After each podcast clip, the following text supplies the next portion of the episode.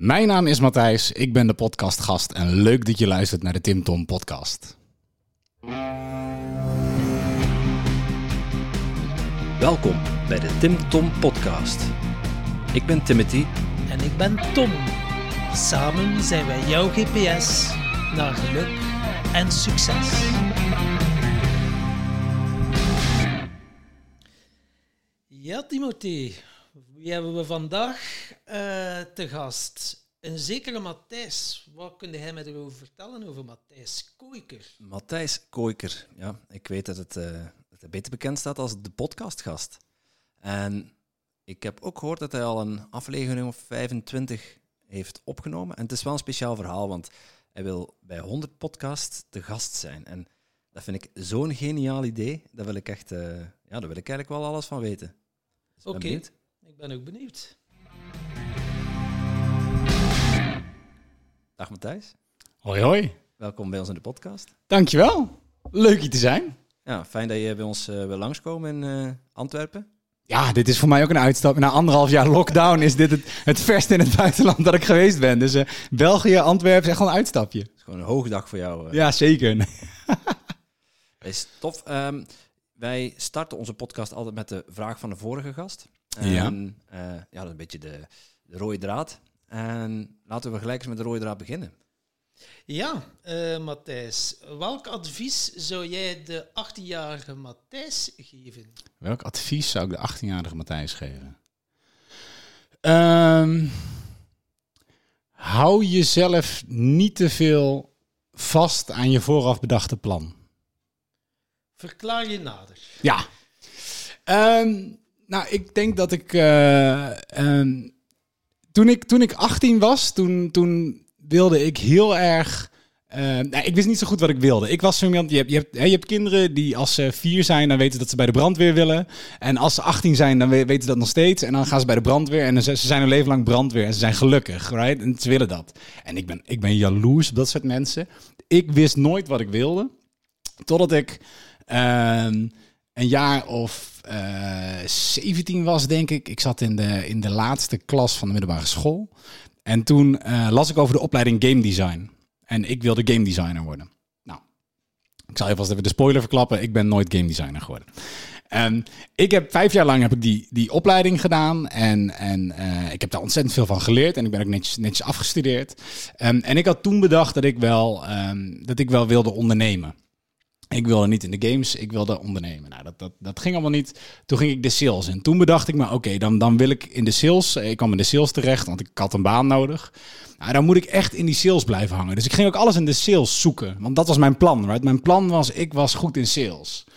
Ehm, terwijl, nou ja, na twee jaar, drie jaar daarin gewerkt heb, kwam ik al achter dat het helemaal niet iets was waar ik gelukkig van werd. Maar ik bleef zo vasthouden aan mijn plan. Want ik was blij dat ik eindelijk een plan had. Right? Ik wilde eerst game designer worden, dat lukte niet. Nou wilde ik de sales en dit wilde ik worden. Ja, ja. En op die manier heb, je, heb, ik, heb ik toch wel een hele tijd volgehouden en, en dingen gedaan waarbij je eigenlijk al redelijk snel weet dat het misschien niet jouw ultieme ding is. En hoe wist je dat?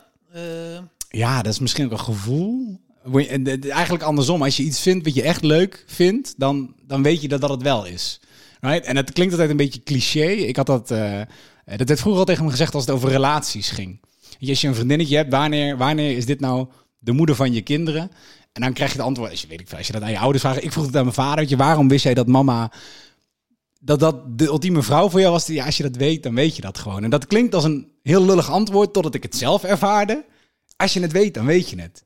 En, en dat was bij mij ook. Maar als je, als je het niet weet, dan ga je zoeken. Ja, Eh, is het dan zo dat je, eh, je wist niet wat je wilde, eh, vooral to- toen je wat, wat nog ook zoekende was? ja. Betekende dat dan ook dat je alles leuk vond of dat je gewoon helemaal niks leuk vond? Nou ja, ook wel dat ik eigenlijk alles leuk vond. Ah, nog steeds. Ik, ik heb zo'n brede interesse van onder andere dat ik in honderd verschillende podcasts wil zitten. Ik vind alles leuk. Ehm, maar dus ook wel dat je een soort van want dat is als, als het cirkeltje rondmaken. Weet je, die tip aan mijn 18-jarige zelf. Toen zat ik nog heel erg in het. Nou ja, als ik heb besloten dat ik dit wil worden, dan ga ik daar ook mijn best voor doen. En daar is helemaal niks mis mee. Het is heel goed dat je een doel hebt. Alleen het gevaar is een beetje dat als jij je zo hard focust op je doel, dat je in, je, eh, in je, de, de zijkant van je blikveld dat, dat kleine glimmende dingetje niet ziet waar je eigenlijk naartoe moet gaan. Right? Gaandeweg richting je doel verandert je doel waarschijnlijk ook. Ehm, en dat heb ik later leren omarmen, waardoor ik nu veel meer denk: oké, als ik iets echt vet vind, dan, dan moet ik het gewoon gaan doen. En dan kom ik er daarna wel achter. Als het niks voor mij is, dan is het ook niet erg om het allemaal los te laten en iets nieuws te gaan doen in plaats van dat ik vast moet blijven houden aan die ene beslissing. En nu kan jij dat heel makkelijk doen. Zo van, oh, daar heb ik, daar heb ik zin om te doen. Ga je dan direct er vol in? Of heb je dan toch zo het rationele vermogen? Ja, is dat misschien? En ga je dan de pro's en de contra's afwegen? Of heb je echt zo, nee, ik ga er volledig voor? Nee, ik ben wel aan het afwegen, omdat je uiteindelijk wel toch ook natuurlijk maar een bepaalde hoeveelheid tijd hebt in je, in je... Ik heb ook maar 24 uur in een dag zitten. Serieus? Uh, ja, ja, nee, ja, ik, heb, ik heb even een tijdje 24,5 gehad, maar ze hebben teruggedraaid. nee, um, uh, nee ik, ik ben wel... Want als je te veel dingen leuk vindt, dan moet je natuurlijk wel kunnen afwegen. Um, maar het is wel... Ik ben heel... Uh, ik ben beter geworden in het een soort van minimal viable products maken van iets. Weet je, als ik, als ik dit echt tof vind, als ik uh, het maken van, uh, van 100 verschillende podcasts echt cool vind. Oké, laat ik eerst drie podcasts maken. En dan zien we wel. Als je bij mij terugluistert, dan hoor je ook waarschijnlijk de eerste drie podcasts. Noem ik mezelf helemaal niet de podcastgast. Terwijl het idee was er al lang. En ik had de website al lang geclaimd. Ik denk, ja, ik kan wel heel hard gaan roepen dat ik dit ga doen. Ik moet eerst weten of ik het leuk vind. En in plaats van dat ik me dus heel erg laat tegenhouden door, nou, ik moest een website en ik moest al een logo hebben en ik moest, weet je, jezelf helemaal kapot te bijten in, je moet dat hele plan al vormen waar je aan moet gaan houden. Ik, ik ga gewoon zorgen dat ik in drie podcasts zit. Maar natuurlijk, je had wel al een plan. Nou ja, toen dacht ik, oké, okay, nou vind ik het echt leuk, prima, dan ga ik wel ook mijn tijd stoppen in alle randzaken. Ja, want je, je had wel de website al geclaimd, je had al ja. uh, wat, wat uitzoekingswerk gedaan, je had je, je naam tenminste, met de naam is het eigenlijk allemaal begonnen, het idee. Ja. Um, maar toch is er dan nog iets wat je tegenhoudt om er vol voor te gaan. Wat, wat, wat was dat dan op dat moment? Uh, eeuwige procrastination, uh, eeuwig uitstellen. Ik bedoel, ik, ik, dat is denk ik niemand vreemd, en is de mij helemaal niet. Uh, het is toch een beetje uitstelgedrag en daarbij, en dat heb ik, dat heb ik altijd al gehad met podcasten. En dat vind ik nog steeds wel lastig uh, een bepaalde manier je ego die in de weg zit. Ergens moet je jezelf er overheen zetten. Dat je denkt, ik, ik ging, ik, als ik het aan mensen vertelde, of mensen waren super enthousiast. Weet je, jij gaat in 100 podcasts zitten, super tof idee. Of je hebt mensen die zeiden, hoezo denk jij dat je over 100 verschillende dingen iets te vertellen hebt? Ook nog, ja. Right? En dat is een beetje je ego. Dan, ga je, dan is er zo'n stemmetje in je hoofd. denkt, oh ja, shit, heb ik echt wel genoeg hoe, zeg maar, hoe uh, blij ben ik met mezelf dat ik denk dat het de moeite waard is om honderd keer naar mij te luisteren in honderd verschillende omstandigheden. Um, en dat houdt je ook wel tegen. Dat heeft mij toch wel lang ook een beetje tegengehouden. Dat je denkt van ja, het is wel, ja, je bent wel erg van de toren aan het, aan het blazen als je denkt dat je, dat je hier goed genoeg voor bent of zo. Ja, maar je, je kiest er dan voor om echt te gast te zijn in andere mensen een podcast. Ja. Uh, de podcastgast. Maar je had natuurlijk ook je eigen platform kunnen hebben. Ja. De podcastgast, waarbij jij in gesprek gaat met andere podcasters in honderd verschillende podcasts. Ja. Altijd op hetzelfde uitgekomen. Ah, maar dan, ja, dan is het iedere keer sowieso anders, omdat je andere podcast interviewt. Ja. Maar jij kiest ervoor om echt de gast te zijn. En waarom, waarom kies je dan daarvoor? En niet voor uh, eigenlijk de, die, andere, die andere optie die mij wat eenvoudiger lijkt? Um, ja, dat is, dat is ook wel is goed. Ik moet eerlijk zeggen dat niemand mij ooit, ooit nog heeft gevraagd waarom ik het juist zo om heb gedaan. Je bent echt de eerste erin. Um, de reden dat ik dat is, is één, tweeledig. Eén, het is voor mij heel makkelijk, want ik hoef alleen maar te gast te zijn. Dus alle, al het werk van deze podcast, ik kom hier aan. Ik krijg notabene een salade van jou. En ik kan hier twee uur met jullie een podcast opnemen. Um, maar ook omdat, um, één, ik wil wel de gast zijn in honderd verschillende podcasts. Maar het idee is ook deels ontstaan doordat uh, een vriendin van mij die had een podcast, Test to Sustainability. Um, en zij wilde geïnterviewd worden in haar eigen podcast. En dat had ik al een keer gedaan. Dat had ik al gedaan ver voordat de podcastgast ook mijn idee was bij mij. En toen, kwam ik, toen bedacht ik me, toen dat een tweede keer deed, als, als zij dat probleem heeft, dan hebben meer podcasters hebben dat probleem.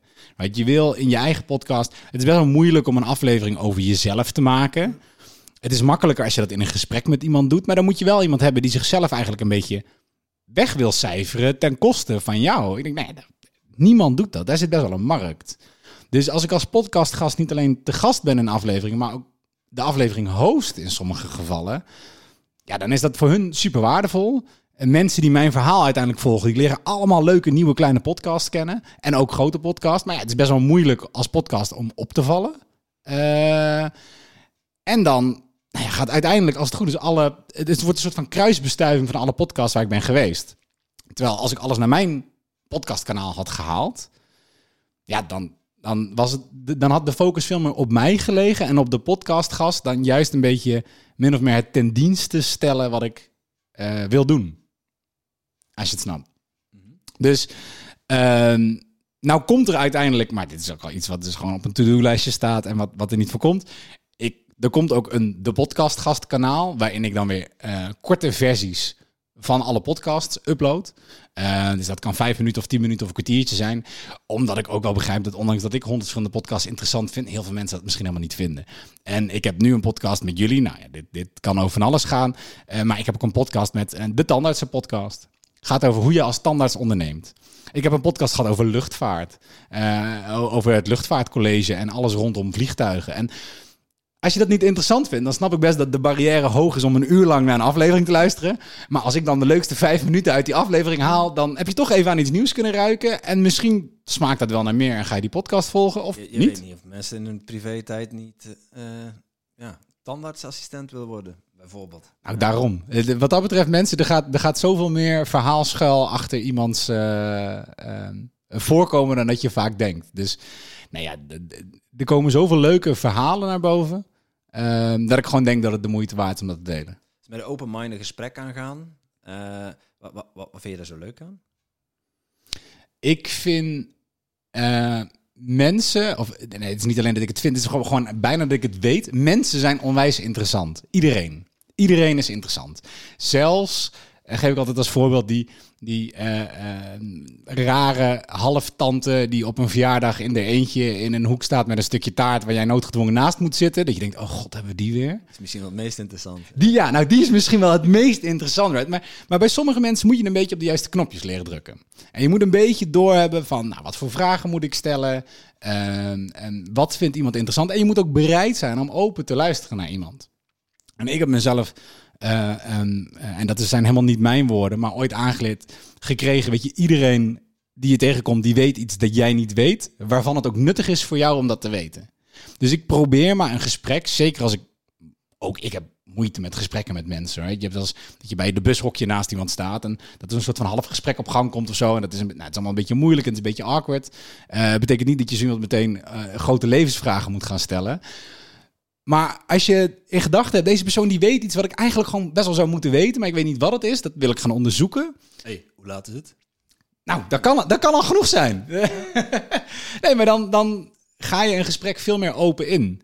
En ik vind dat ja, onwijs interessant. Wat, wat is er nou interessanter dan een verbinding met andere mensen hebben en van hun leren? Dat je heel even, al is het een moment, een beetje de wereld door hun ogen kan zien. Al hoe zweverig dat klinkt, right? Maar ja, ik vind dat tof. Ik kan me wel voorstellen, uh, ja, je praat graag, je praat vlot. ja. En uh, wat tips, ik herken mij er enorm in. Wat tips kan jij mij geven aan andere luisteraars? Hoe kan je open luisteren? Want ik heb soms wel de neiging ja, om dan ook weer mijn verhaal en dan wat spreekruimte in te nemen van uh, mijn gast. Ja. hoe doe je, wat, wat gebruik jij? Of heb je daar trucjes voor om stil te zijn en echt wel uh, te focussen op hetgeen wat dat die persoon zegt?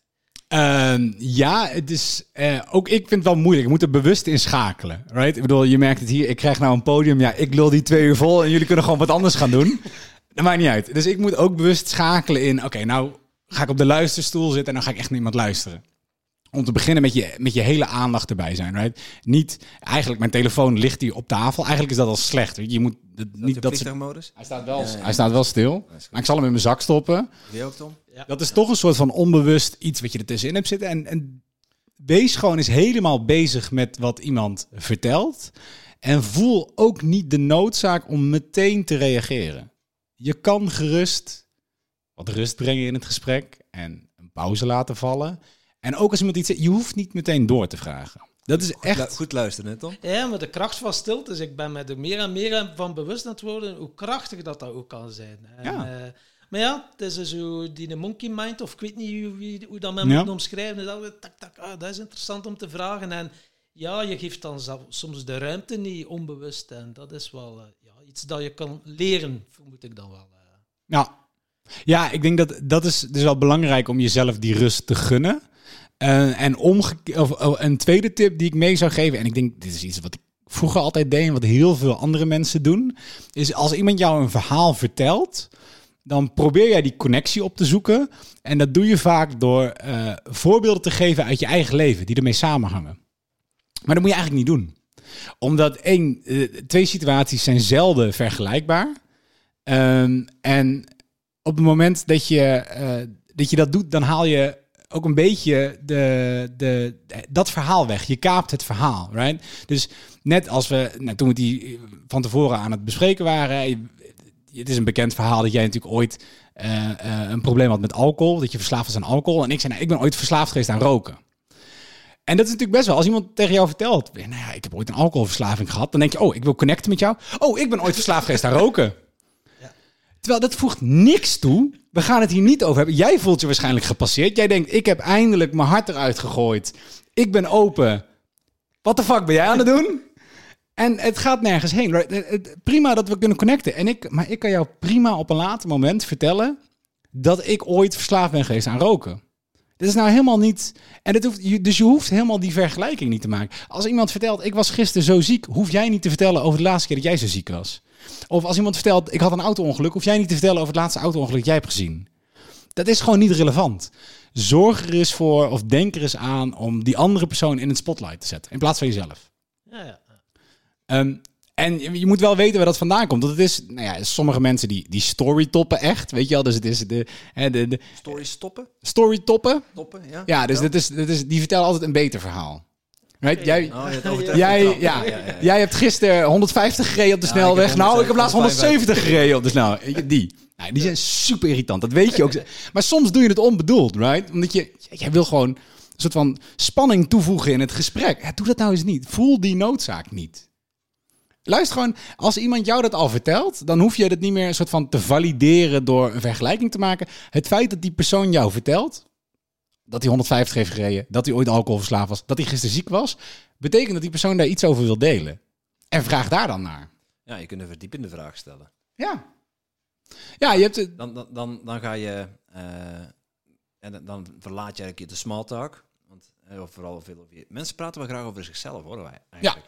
Ja, maar dat is ook wel. Dat is ook. Het geheim van een goede luisteraar is dan om, om jezelf even uit te schakelen. Of je, of je ego even opzij te zetten. Eh, of is het een stukje persoonlijkheid? Ik weet, ik, een manier waarop je, dat je over wil komen op andere mensen. Mhm. Maar ja, mensen praten wel heel graag over zichzelf. Ja. Dat is een goede tip. Eh, dus in ieder geval mensen laten praten over waar ze over aan het praten zijn. En ehm, een verdiepende vraag stellen. Maar ja, hoe voel je dan aan waar, waar je op moet doorvragen? Ja, dat, dat, dat is moeilijk. Dat is deels gevoel en ook deels trainen. Eh, kijk, je kan, het is natuurlijk altijd een, een- je kan altijd zeggen, oh, waarom vind je dit? Of waarom vind je dat? Maar waarom is dan alweer een beetje, Het, kortom, Ja. het is te trainen, hè? het is een Eh, makkelijke waarom? vraag. Ehm, Thijs Lindhout zou zeggen, eh, wat maakt? Hè? Ja, ik kan zeggen, want waarom? Er zit een waardeoordeel in, dus dat, dat moet je dan al... Nou, dat is alweer niet goed. Maar ook wees niet bang om ehm, eh, het gesprek terug te halen als je merkt dat het de verkeerde kant op gaat. Omdat je niet dat vindt wat je interessant vindt. Dus, ehm, ehm, je, stel, iemand, iemand vertelt een verhaal en jij stelt er een paar vragen over. En uiteindelijk gaan we... Nou, stel, hè, we hadden dit verhaal en het gaat over verslavingen. En ik denk, ik wil, jij vertelt iets over, over je alcoholverslaving. Ik denk, ik wil iets vertellen. Ik wil daar iets meer over weten. Maar ik heb al verteld dat ik rookverslaafd eh, was en dat ik daar moeite mee had. En het verhaal ligt bij mij. En dan, dan is het ook helemaal. Het was niet eens jouw schuld, want je hebt ADD en... Ja, en dan ja, prima. En dan ben je, en dan ben je, verslavingsgevo- en dan ben je verslavingsgevoelig. En dan, en dan voor je het weet ben je helemaal off topic. Dan is het helemaal niet erg om daar heel open te zijn. En sorry, ik, ik weet niet waarom we hier nou naartoe gaan. Maar je vertelde net over dat je alcoholverslaafd bent geweest. Ik, ik heb daar echt tal van vragen over. Is het goed als ik jou daar wat over vraag? Right? En het is helemaal niet... Mensen vinden dat heel raar of zo, dat je een topic introduceert...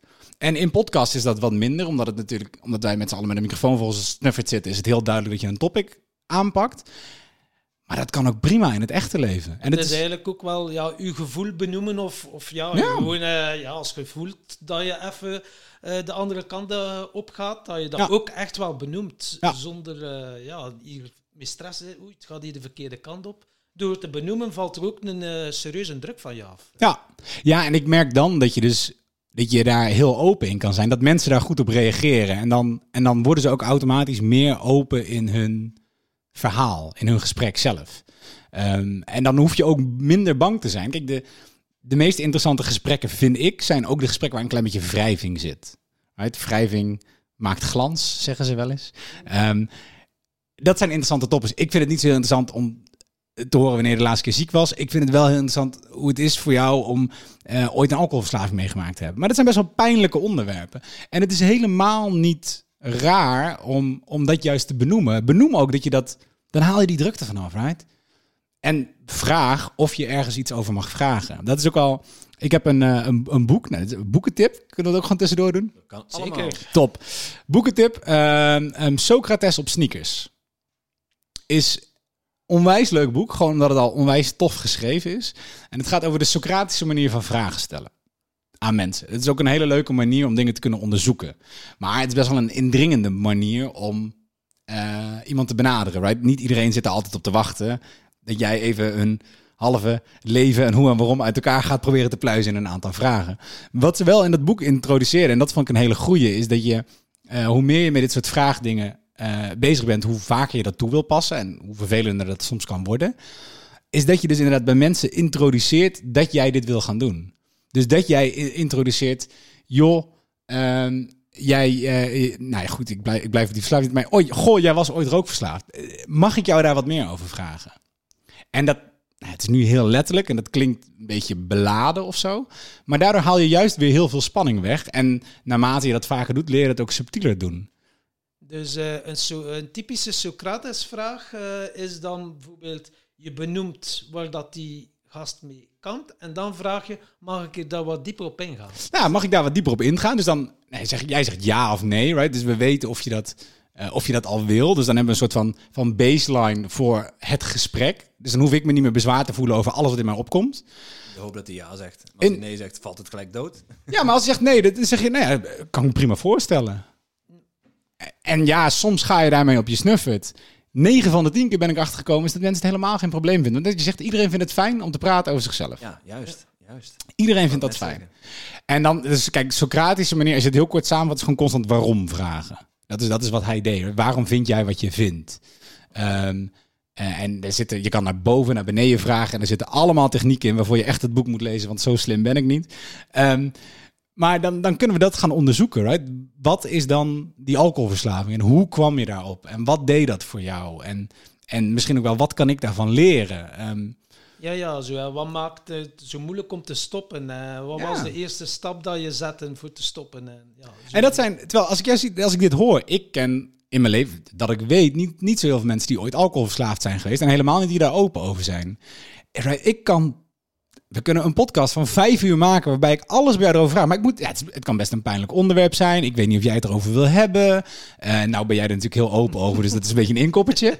Maar dat is, eh, weet ik veel, tante Gerda op die verjaardag is dat niet, weet je wel. En dan, en dan betekent niet meteen dat je het op verjaardag over alcoholproblemen moet hebben. Dat is misschien niet de juiste plek. Ehm, maar wel het feit dat je gewoon vraagt of je ergens naar mag vragen. Want anders dan heb je toch heel vaak dat mensen ook wel... Je, mensen maken, je maakt in je leven maak je constant ook minder leuke dingen mee. Waarbij je, die je soms best wel kwijt moet. Maar jij weet niet of je dat aan iemand moet vertellen. Of dat nou gaat om problemen in je relatie of op het werk. Of die, ook, maar het kunnen ook positieve dingen zijn. Want je weet niet altijd of het goed is om dat te delen. Eh, maar omgekeerd, ja, je, je weet niet of iemand daar echt op zit te wachten. En dat is helemaal prima om dat te benoemen. Op een of andere manier vinden mensen dat heel raar dat we dat doen. Of doen we het niet graag. Mijn ervaring is juist dat als je dat benoemt, dat je een heel goed gesprek kan gaan hebben. Ja, dat is ook. eh, er zit altijd meestal pijn op. En het is door het uit te spreken dat je jezelf kunt beginnen eh helen. Hè? Ja. Je, je, kan een completer mens worden, maar daarvoor moet je het wel eerst herkennen en het uitspreken. Want dan kan het pas eh, voorbij gaan. Of, Ja. eh, Maar goed, goed luisteren. Eh, ik vind het ook wel belangrijk om, ja, dan bij die andere persoon, om geen, als je aan het luisteren bent, om geen tips te geven. Ja, niet oplossen bedoel je? Of, ja. Want daar, daar hebben mensen ook heel snel de neiging van, ja, ja, maar eh, ik heb dat zo aangepakt, ook weer gereflecteerd op zichzelf. eh, maar dan zijn andere mensen proberen een tip te geven, terwijl iemand gewoon iets aan het vertellen is. ja. En ja, een belangrijke valkuil voor goed te luisteren is dan ook eh, dat je daar zelf eh, weer mee, je voorbeelden gaat komen. Ja. Eh, maar jij bent bij ons te gast. En eh, ja, wij willen wel graag dat je met voorbeelden komt. Ja. Ehm, wanneer was de laatste keer dat je echt een, een awkward gesprek had en dat je dacht van, hm, hoe, moet ik, hoe moet ik me hieruit... Hoe moet ik me hier uitredden? Oeh, dat is een goeie. De laatste keer dat ik echt een awkward gesprek had. Ga ik nou zeggen dat ik nooit awkward gesprekken heb? Dat is helemaal... eh, nee, eh, wat is de laatste keer dat ik een... eh, ja, nee, dat vind, ik- vind ik een goeie. Ik zit in een, ehm, een, een eh, andere Vlaamse podcast. Die heb ik onlangs, eh, onlangs opgenomen.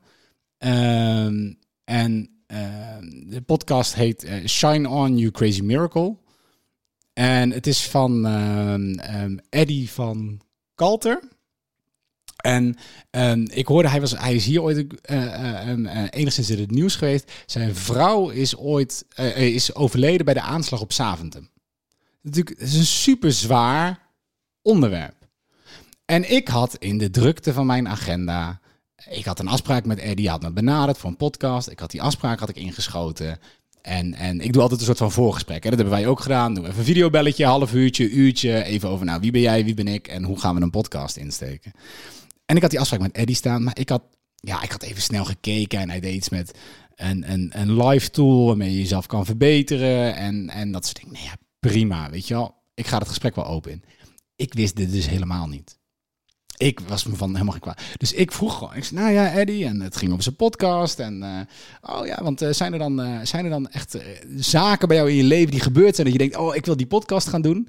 Hij zei, nou ja, we hebben natuurlijk de keer dat mijn vrouw omkwam bij de aanslag op Zaventem. Ja. Oké, ik heb duidelijk niet genoeg research gedaan. En, en ik, naarmate die er ook meer zei, ik kon alleen maar zeggen, hij vertelde dat verhaal. En ik zei, Eddie, dit, maar dit is super heftig. En ik krijg gewoon, ik krijg gewoon nu kippenvel nu ik eraan denk. Ik zeg, ja, maar dit is, dit is super heftig en, en ook wel een heel inspirerend verhaal. Hoe, jij er, hoe hij ermee om is gegaan en hoe hij dat een, een plek heeft proberen te geven. En ik was er gewoon helemaal niet op voorbereid. En ik heb het ook tegen hem gezegd. En Dit is, hè, is weer echt het benoemen. Ik heb letterlijk gezegd, ik zei, want ik voelde me op een gegeven moment, ik voelde me gewoon bijna awkward dat ik dit niet wist. Dus ik zei, ik zei Eddie, het spijt me, ik heb, ik heb totaal niet voorbereid op dit gesprek. Ik ging dit eigenlijk in met het idee, dit is zomaar een, een podcast. Ehm, en het spijt me, want jouw verhaal ehm, ehm, heeft zoveel waarde dat ik had daar mijn tijd in moeten steken. Dit had ik gewoon anders moeten doen. En het spijt me. Dus ik vind het super tof. Ik ga me inlezen op jouw verhaal. We doen volgende week doen we die podcast en ik ga wat dingen luisteren en dan ga ik je daar vragen over stellen. En hij vond het ook helemaal geen probleem. Hij zei, ja, het maakt niet uit en het is prima dat je niet bent voorbereid. Maar dat was voor mij, voelde dat super awkward. Juist omdat ik niet op zoek was naar een heel diep verhaal, maar het opeens woesh, zo bij me neer werd gelegd. Ja, want wij denken soms zo, wij doen dat bewust. eh, niet, niet veel lezen over onze gast, dan kunnen we nog verwonderd zijn. Ja. Maar ja, dat kan zowel positief natuurlijk, met zo'n verhaal. Dan is het wel eh, even slikken natuurlijk. En waar trek jij de grens van? eh, ben jij heel graag, ben jij graag goed voorbereid? Of heb je ook zoiets van, nee, ik wil wel nog verwonderd kunnen zijn, wat dat die nog te vertellen hebben? Eh, ja, een mix van de twee. Ik zeg meestal, ik probeer eh, mezelf voor te bereiden tot het punt dat ik een soort van ehm, rode draad heb voor de aflevering. Of dat nou komt omdat nou ja, sommige podcasts die hebben echt verschillende segmentjes in de podcast, weet je wel. Ik probeer een lijst met vragen te bedenken van tevoren dat ik weet dit is interessant. En dat doe ik allemaal zodat ik daarna daarvan af kan wijken.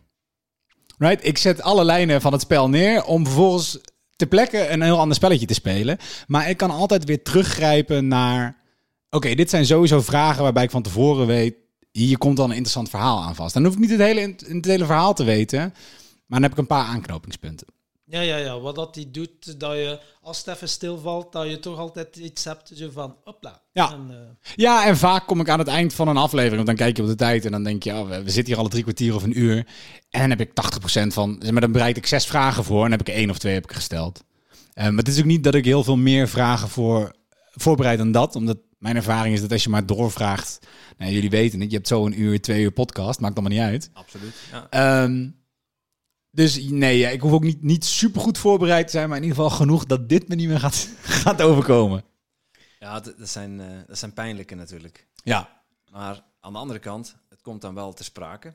En dan kun je verwonderd zijn. En dan raakt het je ook echt. En dan kan Ja. het de luisteraar ook harder raken. nou, En ja, dat is dan wel weer de, het mooie daarvan, vind ik dan persoonlijk. ja, nee, ja, dat is eh, 100% waar. Kijk, als je ook van tevoren hebt afgesproken dat het, nou ja, als je iemand vraagt of het goed is om daarover te hebben, hij vertelde daar ook over, dat ik dacht, maar dit is zo'n persoonlijk iets, mag ik hier wel wat over vragen? Nou ja, dan kan het heel erg die spanning eh, sussen om dat te vragen. En dan kan je gewoon opnieuw verwonderd zijn en dan kan je even gaan prikken. Van oké, waar, waar zit het verhaal dan? En wat, wat wil ik hier allemaal over weten?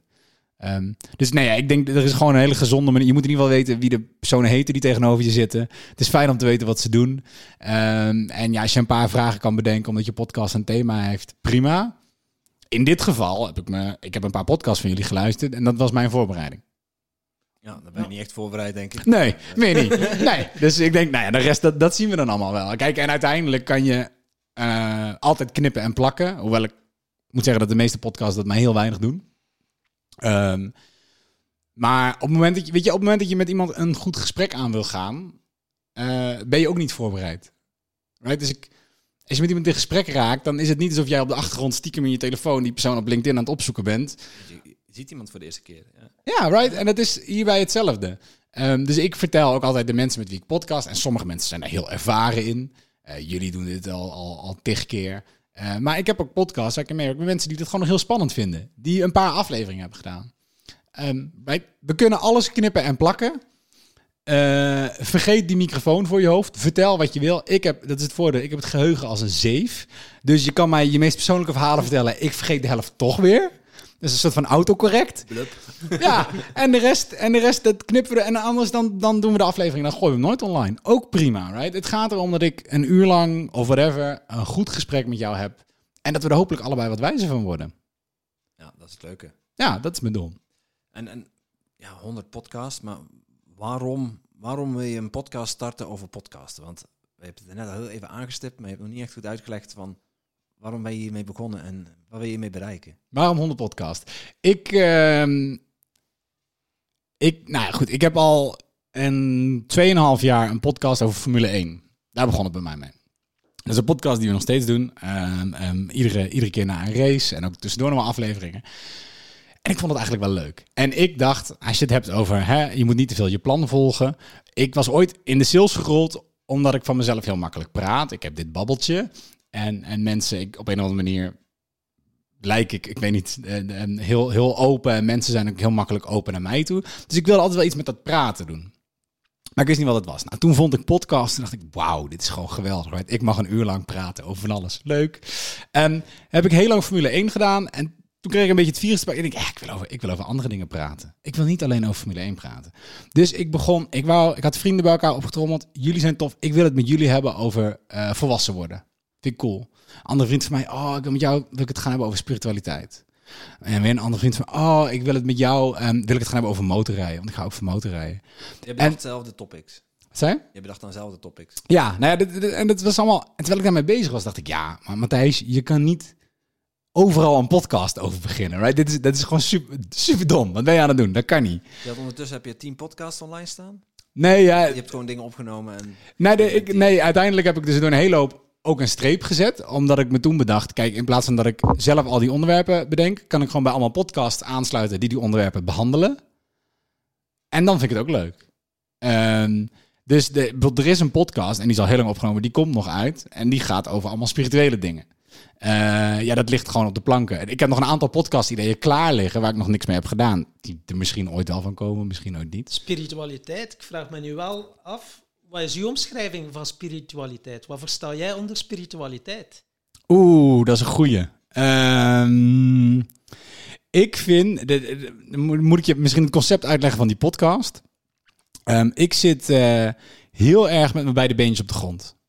Ik vind eh, spiritualiteit is voor mij heel snel iets wat ik eh, zweverig vind.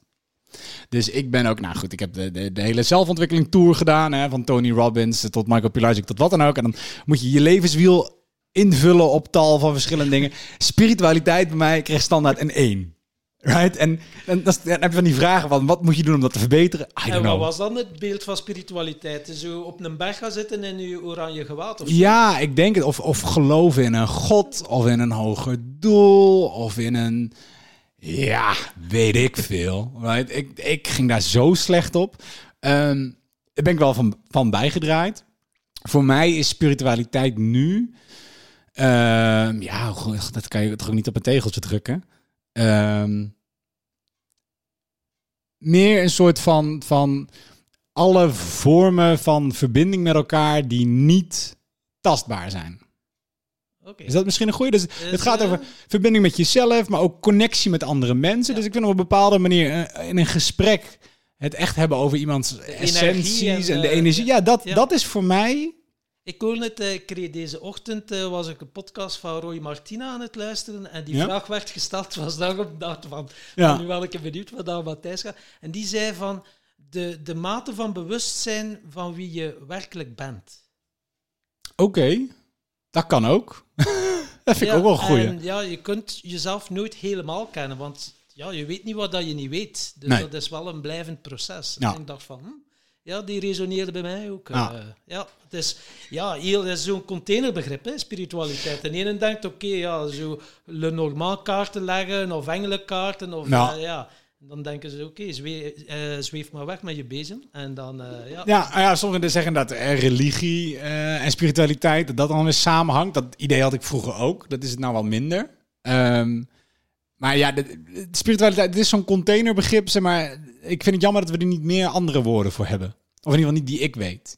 Maar iedereen weet altijd wel een beetje wat je bedoelt als je het hebt over spiritualiteit. Ja, toch, toch hangt er nog wel een zweverig kantje of een randje aan. Ja, nee, dat, oh, dat Ja. zeker 100%. Eh, maar connecten met andere mensen, connecten met jezelf. Eh, dus een podcast opnemen, noem je- is dat dan spiritueel? Nou, kijk, niet- niet de podcast opnemen, niet. Dat is heel erg in het hier en nu en dat is heel tastbaar. Ehm, maar wel een soort van de connectie maken met mensen, right? In, in het gesprek iemand leren kennen. En ehm, zeker als je het, eh, als je het hebt met, met, met goede vrienden.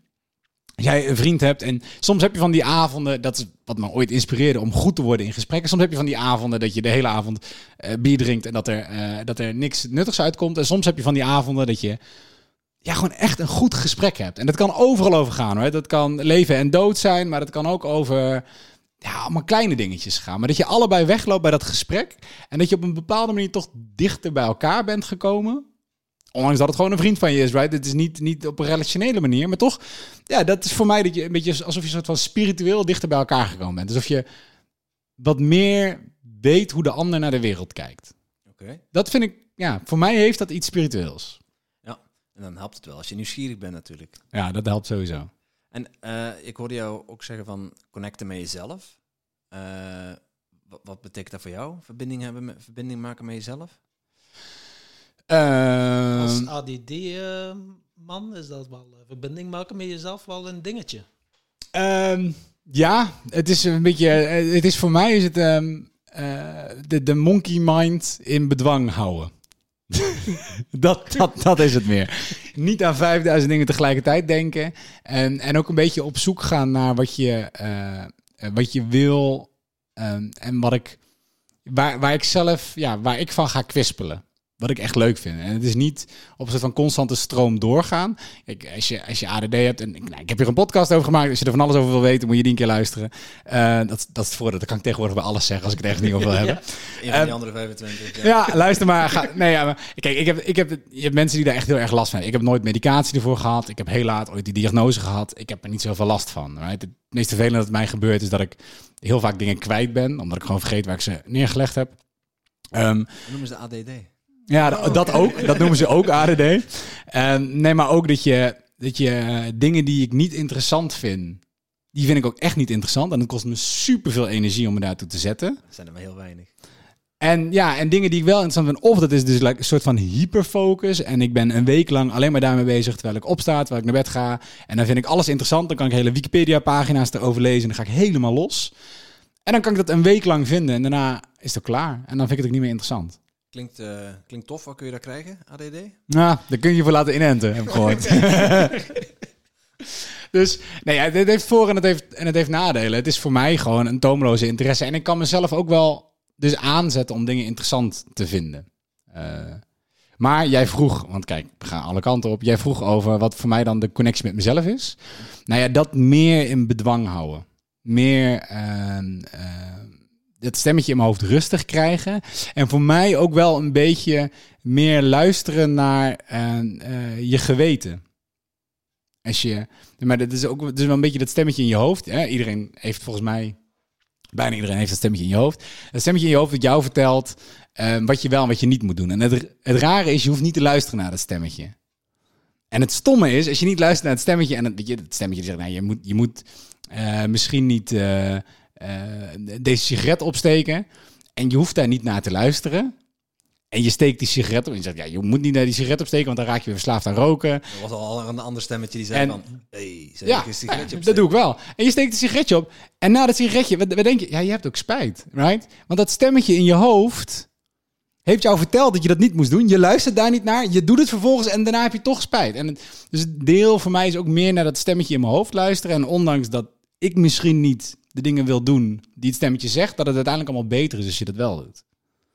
Ik denk dat nu wel veel luisteraars denken, Matthijs, geef ons een tip. Hoe doe je dat niet luisteren naar dat stemmetje? Ja, heel vaak op je bek gaan als je niet naar dat stemmetje luistert en dan dwingt het jezelf een beetje. Nou, voor mij is roken dus een heel goed voorbeeld. Ik heb, ik heb een teller op mijn telefoon staan. En ik zal hem, dit is dan de enige keer dat ik mijn telefoon erbij pak. Ik ben 544 dagen geleden gestopt met roken. Dat is iets minder dan twee jaar. Valt nog mee. Ehm, maar ik heb ooit op een, eh, en dat is inmiddels al echt al een jaar geleden, eh, nog voor, dat is voor corona zelfs. Nou, heb ik, had ik een feestje en ik had veel te veel gedronken. En mensen Zou stonden ik ook zeggen dat het voor corona was. Ja. Ja, ja, ja. en mensen stonden buiten te roken.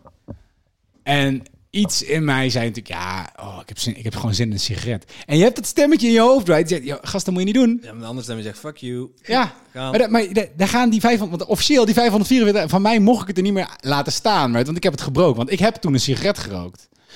En, en ik dacht, oh, dat moet ik gewoon doen. En ik stak die sigaret aan. En op, eigenlijk op het moment dat ik halverwege die sigaret was, dacht ik al, ja, wat, wat de fuck ben ik aan het doen? Heb je ervan genoten? Nee, ja, niet? niet genoeg. De eerste helft wel. De tweede helft doe, doe ik gewoon op karakter, want ik ga niet opgeven. Die sigaret gaat op. Ehm, maar ja, dus dat, dus, ja, dat stemmetje in je hoofd. aan het inhaleren. Ja, ja, ja. Oeh, dit moet ik niet doen, dit moet ik niet doen. Oeh, dit moet ik niet doen. Dat is Nee. Eh, Nou ja, dat is luisteren naar dat stemmetje. En dat is ook wel maar luisteren naar de dingen die je, die je niet doet. Ik heb een hekel aan administratie. Ik ben daar heel slecht in. Right? En als rekeningen binnenkomen waarbij ik zie dat ik ze over een Niet maand betalen. niet Ja, betalen. nou ja, gewoon dat doe, ik, dat doe ik later wel. Dat doe ik later wel. Terwijl ik heb mezelf leren kennen over de afgelopen 30 jaar. Gasten ga je niet doen, dan ga je vergeten, dan ga je niet betalen en dan gaat je geld kosten. En zo ben ik een paar keer op mijn bek gegaan, omdat je... Ik had het geld makkelijk, ik kon het makkelijk betalen, ik heb het niet gedaan. En dan krijg je een, zo'n late fee of whatever, weet je. Je moet extra betalen. Ehm, Aanmaning, ja. ja. En, en nou ja, noodgedwongen eh, heb, ik, heb ik daarnaar leren luisteren. En ik doe het nog niet altijd. Maar dus ja, wat, is- wat is mijn tip? Als je dat stemmetje in je hoofd hoort, die zegt, nou, je moet eigenlijk niet het extra stukje taart eten. Ah, je moet eigenlijk die rekening nu betalen. Like, doe dat. Doe dat. En weet je, als je er niet van overtuigd bent, probeer het vijf keer. En kijk of je leven nou echt slechter of echt beter is geworden omdat je naar het stemmetje hebt geluisterd. En ik kan je vertellen, 9 van de 10 keer heeft dat stemmetje in je hoofd gewoon gelijk. Ja. Je weet. Er zijn twee stemmetjes. Ja, je hebt, je, hebt echt een, een engeltje en een duiveltje eh, erin zitten. Ja, waarom raak je in de verleiding om die sigaret op te steken? Of waarom raak je in de verleiding Ja. om een factuur niet te betalen? Nou, Wie zegt je dat? nou ja, kijk, in het geval van de factuur niet betalen, is gewoon, hier heb ik nu geen zin in.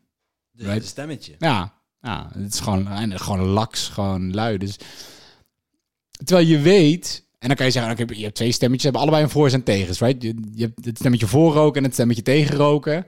En je kan het afwegen, maar diep van binnen weet je al naar welke van de twee je moet luisteren.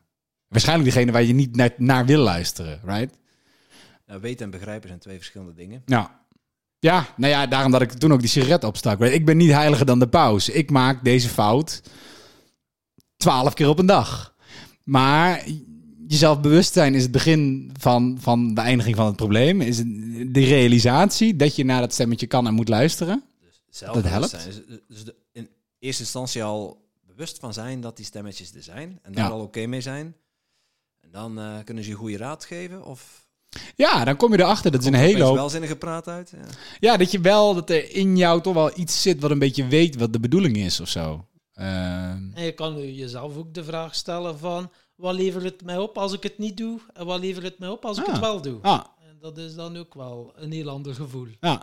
ja, kijk, ik denk, als je, het, als je het echt betrekt op het vlak van zelfontwikkeling en van spiritualiteit, het is gewoon heel goed. En dat doe ik af en toe om op de rand van je bed te gaan zitten, whatever, eh, in je bureaustoel, op de grond, in een meditatieve houding, het maakt allemaal niet uit. En jezelf eens serieus af te vragen, wat doe ik op een dagelijkse basis waarmee ik eigenlijk mijn leven langzaam aan het verpesten ben? Of dat nou is die sigaret opsteken, of, of dat nou is eh, niet je administratie op orde hebben. En je weet het, weet je wel. Ik weet ergens in mijn hoofd dat ik mijn reisverzekering nog uit moet zoeken. En ik stel dat maar uit, want zolang ik er niet naar kijk, leeft het niet. Ja. En juist jezelf af en toe bewust af te vragen wat die dingen zijn. En ze dan ook gewoon te doen. Ja, klopt. Eh, onze vorige gast, de hypnotherapeut Martijn, die zei...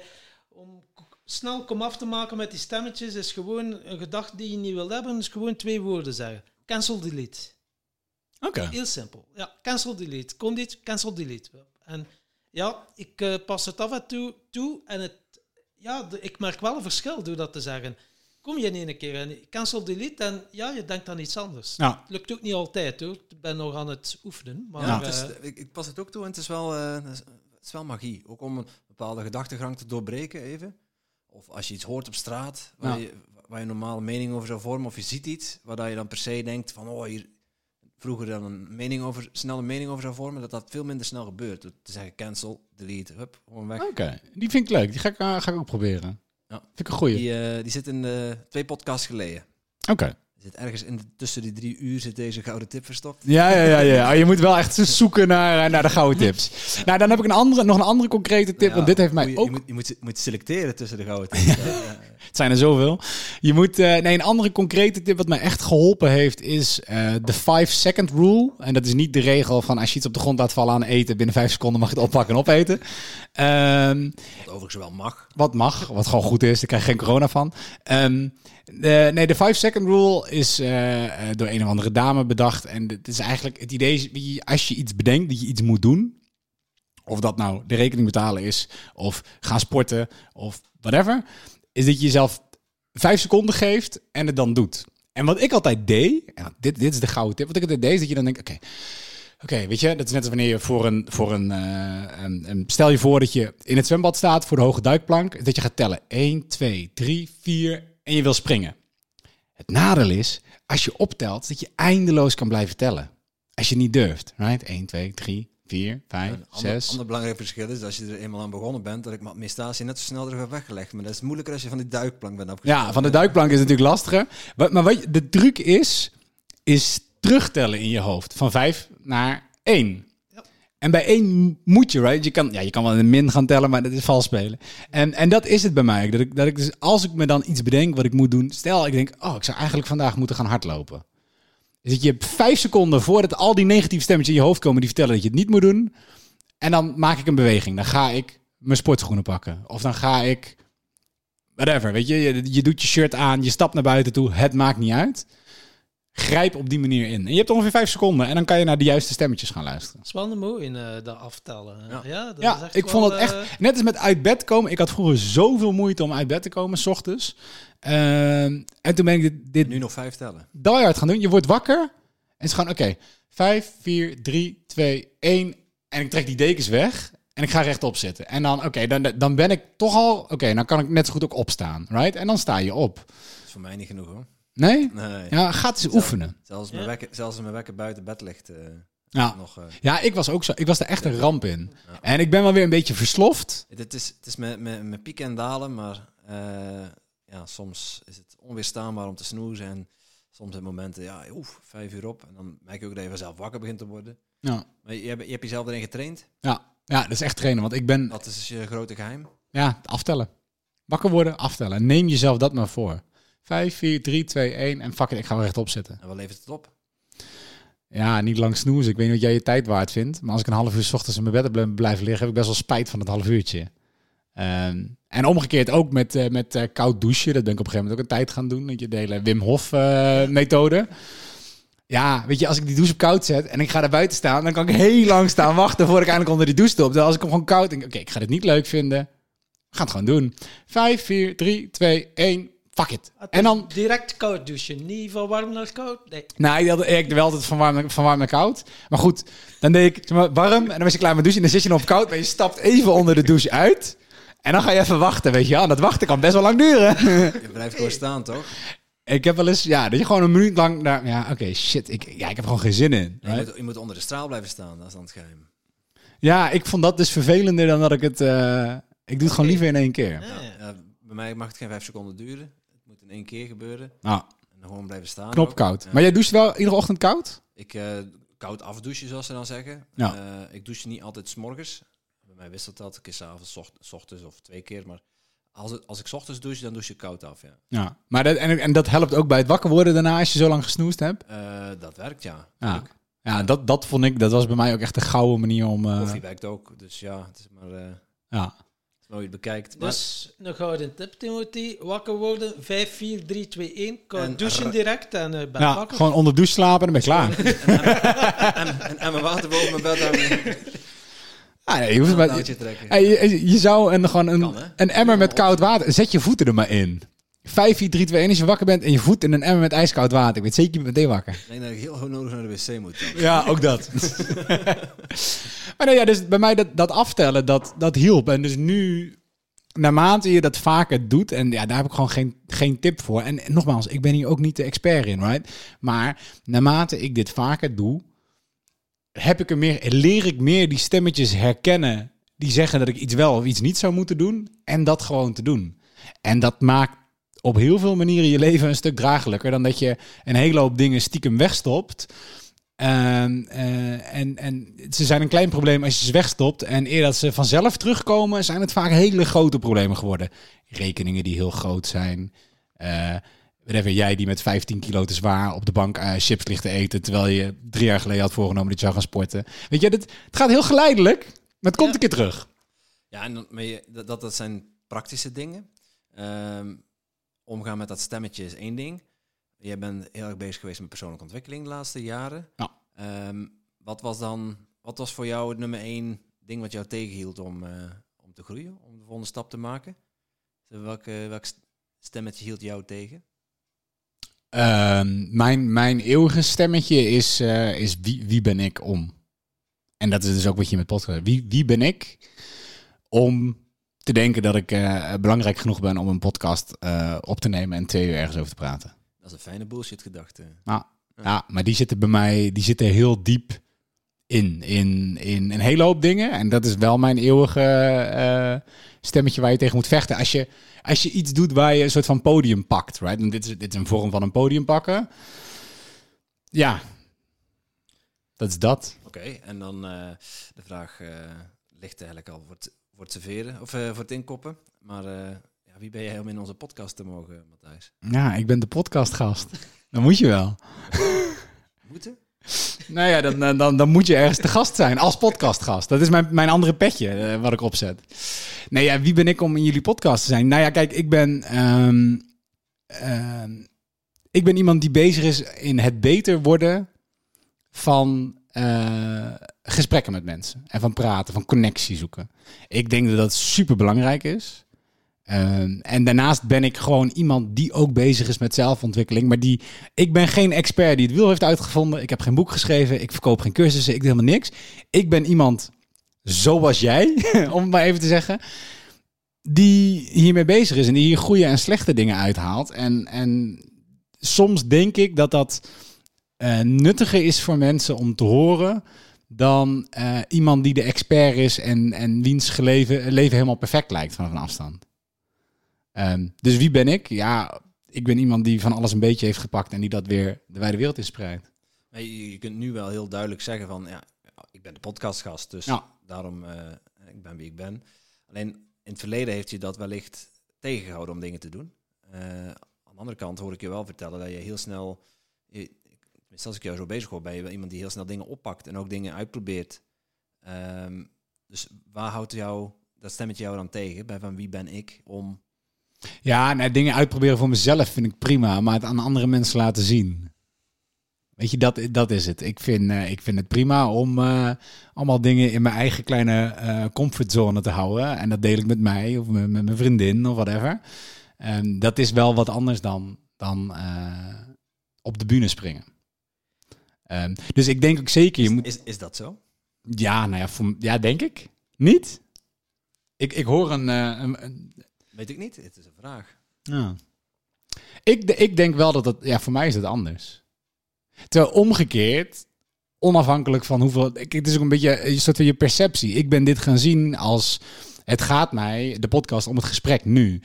Het maakt mij niet uit of je tien mensen naar luisteren, of honderd mensen naar luisteren, of duizend mensen naar luisteren.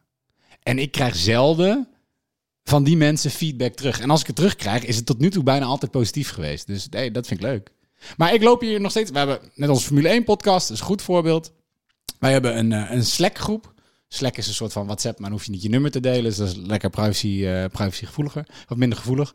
Ehm, en wij maakten, ik vind altijd podcastafleveringen moeten kort zijn. Ik heb een korte tijdspannen. Right? Dit is wel een hele lange podcastaflevering. Wij maakten meestal podcastaflevering van een uur. En ik ben ervan overtuigd, ik was ervan overtuigd dat niemand zit te wachten op een podcast langer dan een uur. Tenminste, niet van mij. Toen, en mijn co-host, Elwin, die had er helemaal geen moeite mee.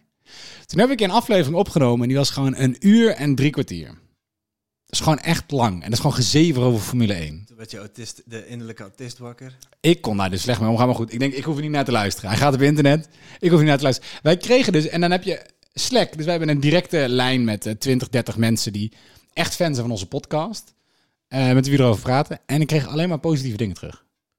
Ze vonden het super tof dat het zo'n lange aflevering was. Konden ze lekker naar luisteren. En al die aannames die in mijn hoofd zaten, die werden gewoon allemaal ontkracht door de mensen die er naar luisteren. Right? Dus ja, dat is wel. Je hebt een hele hoop stemmetjes in je hoofd die je daarin tegenhouden. Eigenlijk, uw podcast, je zegt ze duren een uur, maar eigenlijk duren ze twee uur, want je praat dubbel zo rap. Oh, is dat het?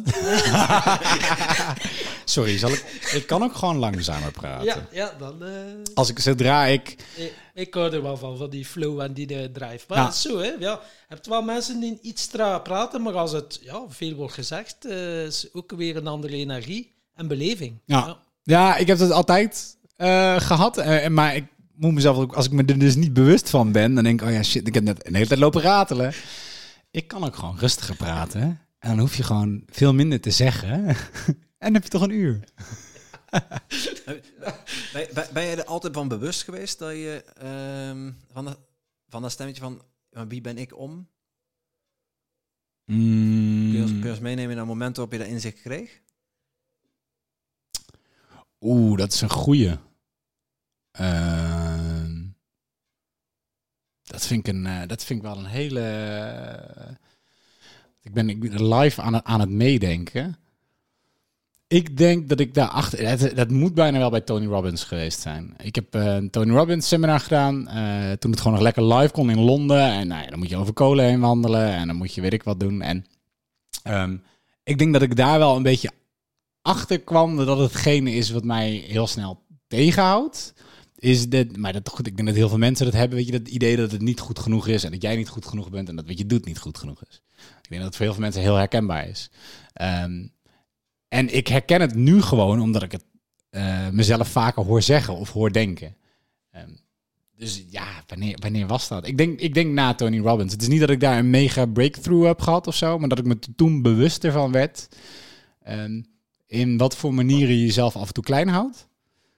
Eh, misschien ook omdat je eh, ehm, niet, niet nou ja, ja, ze zeggen wel eens, eh, je houdt jezelf klein omdat je de mensen om je heen niet bang wil maken door, door, door, door jouw licht heel fel te laten schijnen. Terwijl je zit andere mensen helemaal niet in de weg. Nou ja, ik denk dat ik daar meer naar moest gaan, gaan leven. Jezelf zijn. Ja, ja, meer jezelf zijn. En eh, dat betekent ook niet, dat is, eh, op een of andere manier voelt het heel snel egoïstisch. Want het voelt alsof je heel snel denkt, ik ben hier heel goed in. Right? Maar dat is ook waarom ik het juist letterlijk probeer te herhalen, ook in, in podcast. Ik ben helemaal geen expert, right? Ik ben, dit is mijn reis. En het mooie is dat je er live bij kan zijn. En ik merk dat ik in de afgelopen 25 podcasts Er staan er nu 15 online, er zijn er nou ja, ongeveer 25 opgenomen. Dat ik zoveel beter ben geworden in, in podcasten als medium, maar ook in gesprekken hebben met mensen en in de juiste vragen stellen. En ik hoop dat ik, op het moment dat ik 100 podcasts heb gehad, dat ik daar nog veel beter in ben dan dat ik nu ben. Maar het is ook vooral een reis, right? Ik hoor nu al podcast van mezelf terug van een paar maanden geleden. Dat ik denk, jezus, wat, wat, wat lul je nou? En waarschijnlijk denk ik over een paar maanden aan deze podcast terug op exact dezelfde manier. Maar ik vind dat juist mooi. En dan is het een bepaalde manier, ben ik hier heel egoïstisch in. Waarom doe ik er dan 100? Ja, omdat ik er uiteindelijk beter van word. Maar ik hoop, de luisteraar natuurlijk ook. En uh, wanneer is het voor jou goed genoeg? Um, nou ja, ja, zodra je de knop uitzet en alles is opgenomen. Ik zit gelukkig niet aan de knoppen, dus ik bepaal ah, het ja, niet. Ja, maar heb je zo niet van zo het gevoel, ja, als je iets doet, ben je snel tevreden van jezelf? Nee. nee.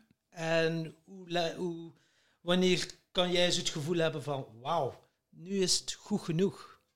Ja, dat, dat vind ik dus ook dat vind ik een hele moeilijke. Ja, ik ook hoor. Ja. ik, zei, ik zei vroeger misschien, ik zei vroeger altijd, je hebt, je hebt twee soorten mensen. Je hebt mensen die naar een zonsondergang kunnen kijken en mensen die het niet kunnen.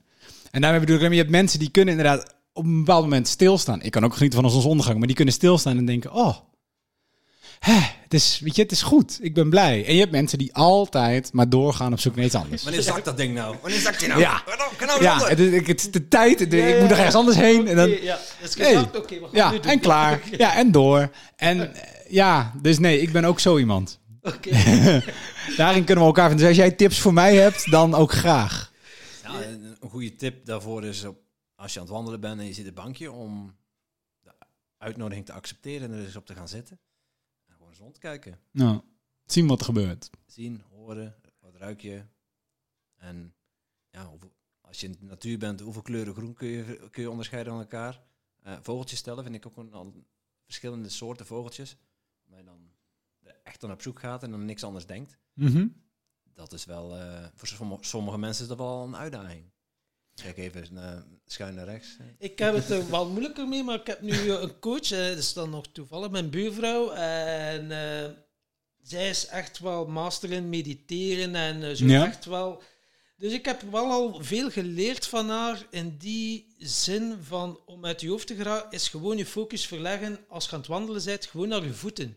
En de fysieke gewaarwording. Mm -hmm. Oké, ik voel druk. En elke keer dat je weer naar je hoofd gaat, enkel naar je voeten. En door dat constant te trainen, merk ik nu wel ook dat mijn andere zintuigen ook alert worden. Door elke keer, elke keer terug naar mijn voet te gaan. Oké, ik voel druk, ah, ik voel lichte tinteling. Door elke keer en elke keer naar hoofd, nee, weer naar die voeten. En, maar ik ben ook maar nog maar net bezig, maar ik merk al verschil.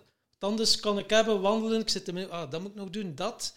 Ik vond dat zo moeilijk, maar nu, ik heb voelen, allee, ja, ga een keer in je lichaam, ga een keer gaan voelen was veel te abstract. Ja. Nu weet ik, oké, voelen en een fysieke gewaarwording is nog iets anders. Door je focus te verleggen en enkel maar bij die fysieke gewaarwording te zijn, is het voor mij bevattelijker en lukt het beter. Ja.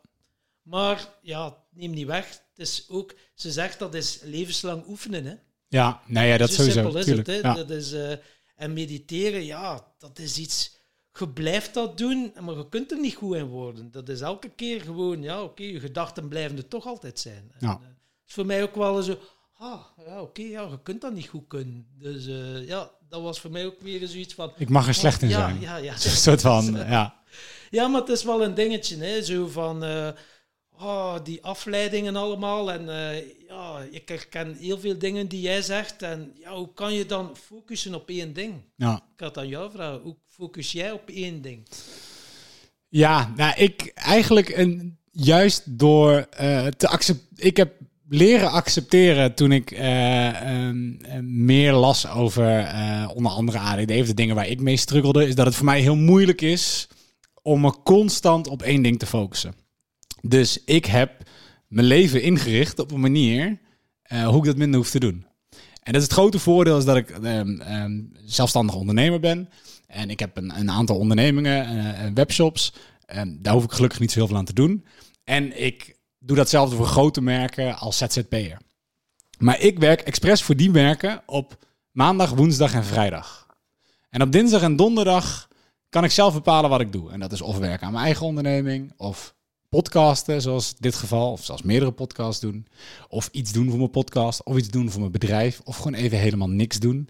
En daardoor kan ik eigenlijk, in plaats van dat ik vijf dagen in de week met exact hetzelfde bezig moet zijn en me daarop moet focussen, mag ik eigenlijk iedere dag wisselen van waar ik mijn focus neerleg. Oké. En voor mij persoonlijk werkt dat een stuk beter. Maar er zit wel, wel degelijk een structuur in. Dat je echt wel zoiets hebt, oké, maandag, woensdag, vrijdag. Ja, dat is, dat is de structuur Dus eigenlijk. dat heb je ook wel ergens nodig, die, die structuur. Ja, ja, dat is wel. Mocht Dat, je geen structuur hebben, dan, dan kan ik mij zomaar voorstellen dat het ook alle kanten op gaat. ja, dan denk ik dat ik inderdaad alle kanten op zou gaan. En dat er uiteindelijk helemaal niks gebeurt.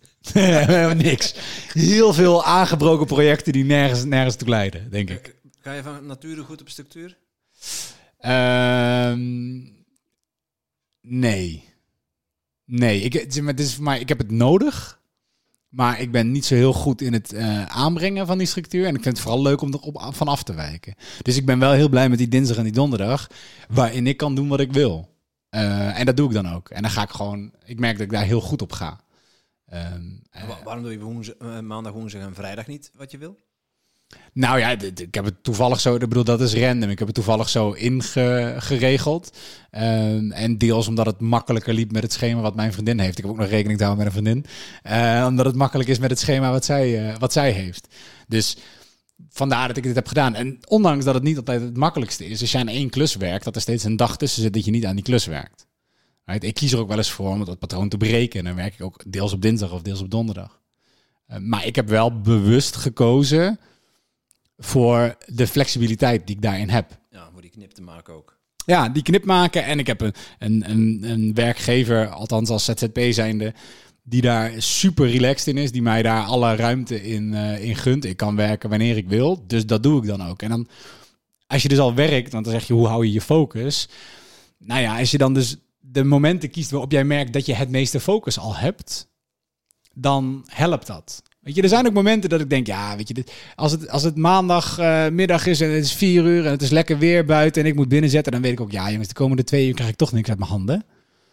Ik ga gewoon lekker naar buiten toe. En die twee uur, dat doe ik morgen wel. Right? Dus ik ga mezelf ook niet te hard dwingen in die focus. Dus ik heb nu ook begrepen, eh, podcastgast zijn, dat is niet jouw fulltime job. Nee. Wat, wat doe je dan precies om Ja, te broden? In ik zit in de e-commerce, dus dat is een heel, eh, een heel breed begrip. Met de podcastgast verdien ik inderdaad geen geld. Sterker nog, ik heb mezelf gedwongen om te zeggen dat ik voor de eerste, de eerste 100 podcasts doe ik, investeer ik alleen mijn eigen tijd. Doe ik gratis, daar hoef ik nooit iets voor te hebben. Omdat dat op een bepaalde manier, eh, en zodra je dingen gaat verkopen en er geld aan hangt, en eh, dan krijgt dat een bepaalde lading mee. En ik wil iedere podcast weer helemaal open ingaan en ik wil me nergens aan vast hoeven houden. Wie ben jij om geld te verdienen met een podcast? Dat bedoel ik. Nou, dat is een hele goede. Ja, dan mag je die envelop van 500 euro mag je Ja, terugschrijven. Krijgen jullie betaald? nee, dus... eh, eh, nee, ja, dus in mijn dagelijks leven ben ik, eh, zit ik in de e-commerce. Dus ik en importeer spullen ehm, vanuit Azië onder mijn eigen merk. Maar ik importeer ook spullen vanuit, vanuit Nederland of anders uit Europa. Eh, en die verkoop ik op marketplaces, op eh, dingen als bol.com en, eh, en, en via webshops, Amazon, dat soort spul. Oké, dus dan Een is dropshipping? Nee, nee, dat is echt vloeken in de, in de kerk. Eh, ik hou wel mijn eigen voorraad bij. Ik heb mijn eigen merk, ik hou mijn eigen merken, ik hou mijn eigen voorraad bij. En dat ligt gewoon, ik doe niet, ik, ik bestel niet pas iets als iemand het al bij mij gekocht heeft. Want dat is in feite dropshipping. Ehm, Wat, wat is, wa- wa- wa- waarom niet dropshippen?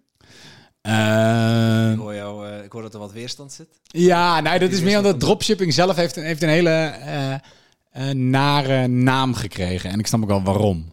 Eh, en de naam die dropshipping heeft is toch eh, voor zoveel mogelijk geld, zoveel mogelijk troep proberen te verschuiven. En dat vooral maar dumpen bij mensen en daarna verdwijnen als je je geld hebt gehaald, zeg maar. Kan ook waardevolle troep zijn, toch?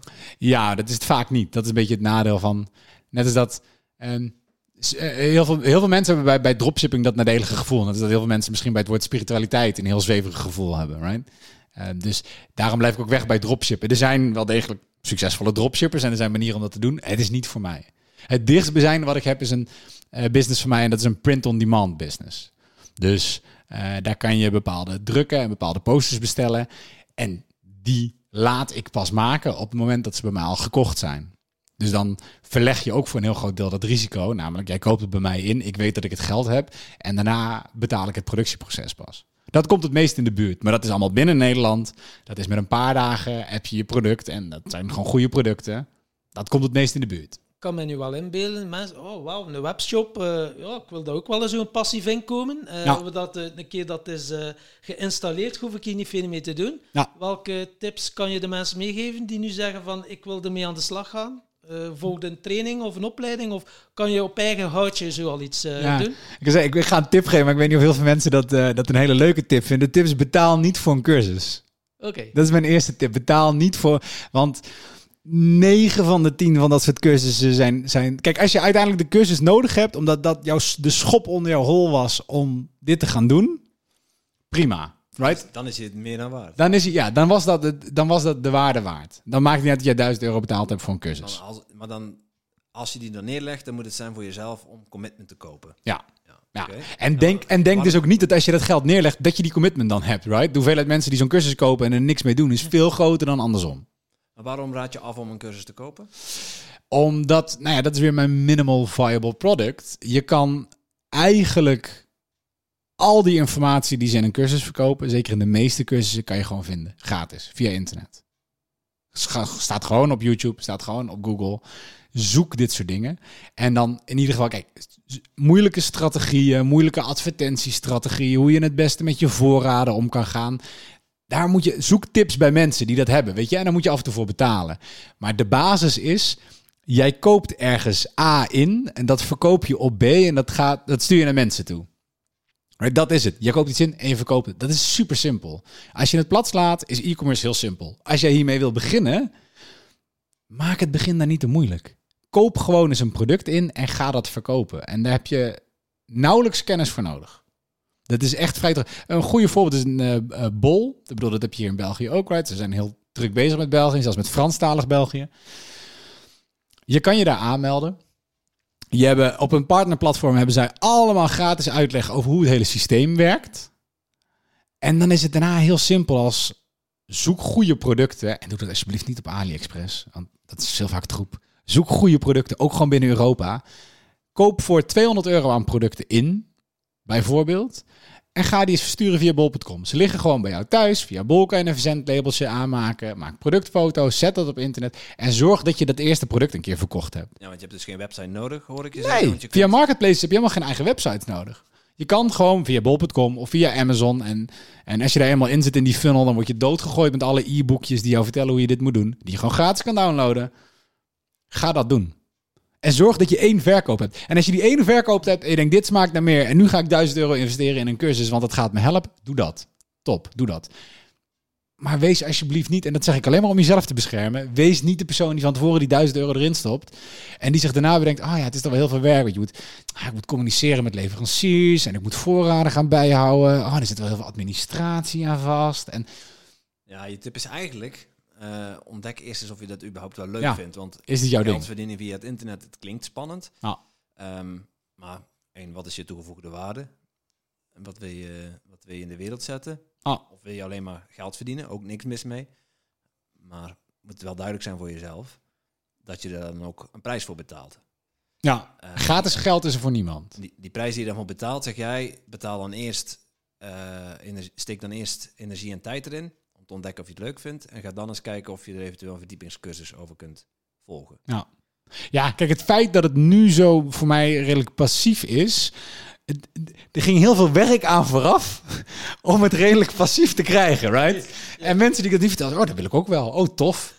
Kun je me vertellen hoe je dat doet? Ja, je moet eerst, ga eerst een jaar hard werken om het allemaal op rolletjes te krijgen. En dan kan je het redelijk passief maken. Ehm, en dat is wat ze je nooit vertellen. Wat zij alleen aan jou vertellen is, je Ja, kan allemaal, het kan allemaal passief. En wat dat aan de oppervlakte komt, maar al het werk dat je erin gestoken hebt, eh, ja, dat, dat zien de meeste mensen Nee, niet. nee. En wist zo, mensen, zeker onze luisteraars, houden van het sappige verhaal. Wat is zo uw grootste voltreffer geweest met je product? Dat je zegt van, wauw, dat heeft echt geboomd, joh. Oh ja, maar dan ga ik mijn eigen producten verraden. Nou. Ah, Oké, ah. Nee, nee ja, kijk, het nadeel... Je Het, verkoopt ze ook, toch? Ja, nee, het nadeel is dat je... Dat je, eh, je hebt sowieso heel veel... ehm, heel veel mensen die hetzelfde spelletje spelen. Dus dat kan ik wel vertellen. Je kan nu een voltreffer hebben. En dat heb ik ook meegemaakt. Iets waarbij ik dacht, wauw, dit, dit heb ik ingekocht. En het was, het was massa, het was goedkoop qua inkoop. Ik kon het voor redelijk veel verkopen. Het, het weegt niet te veel. Ook belangrijk, want je zit met enorme uh, verschepingskosten als iets vanuit Azië komt.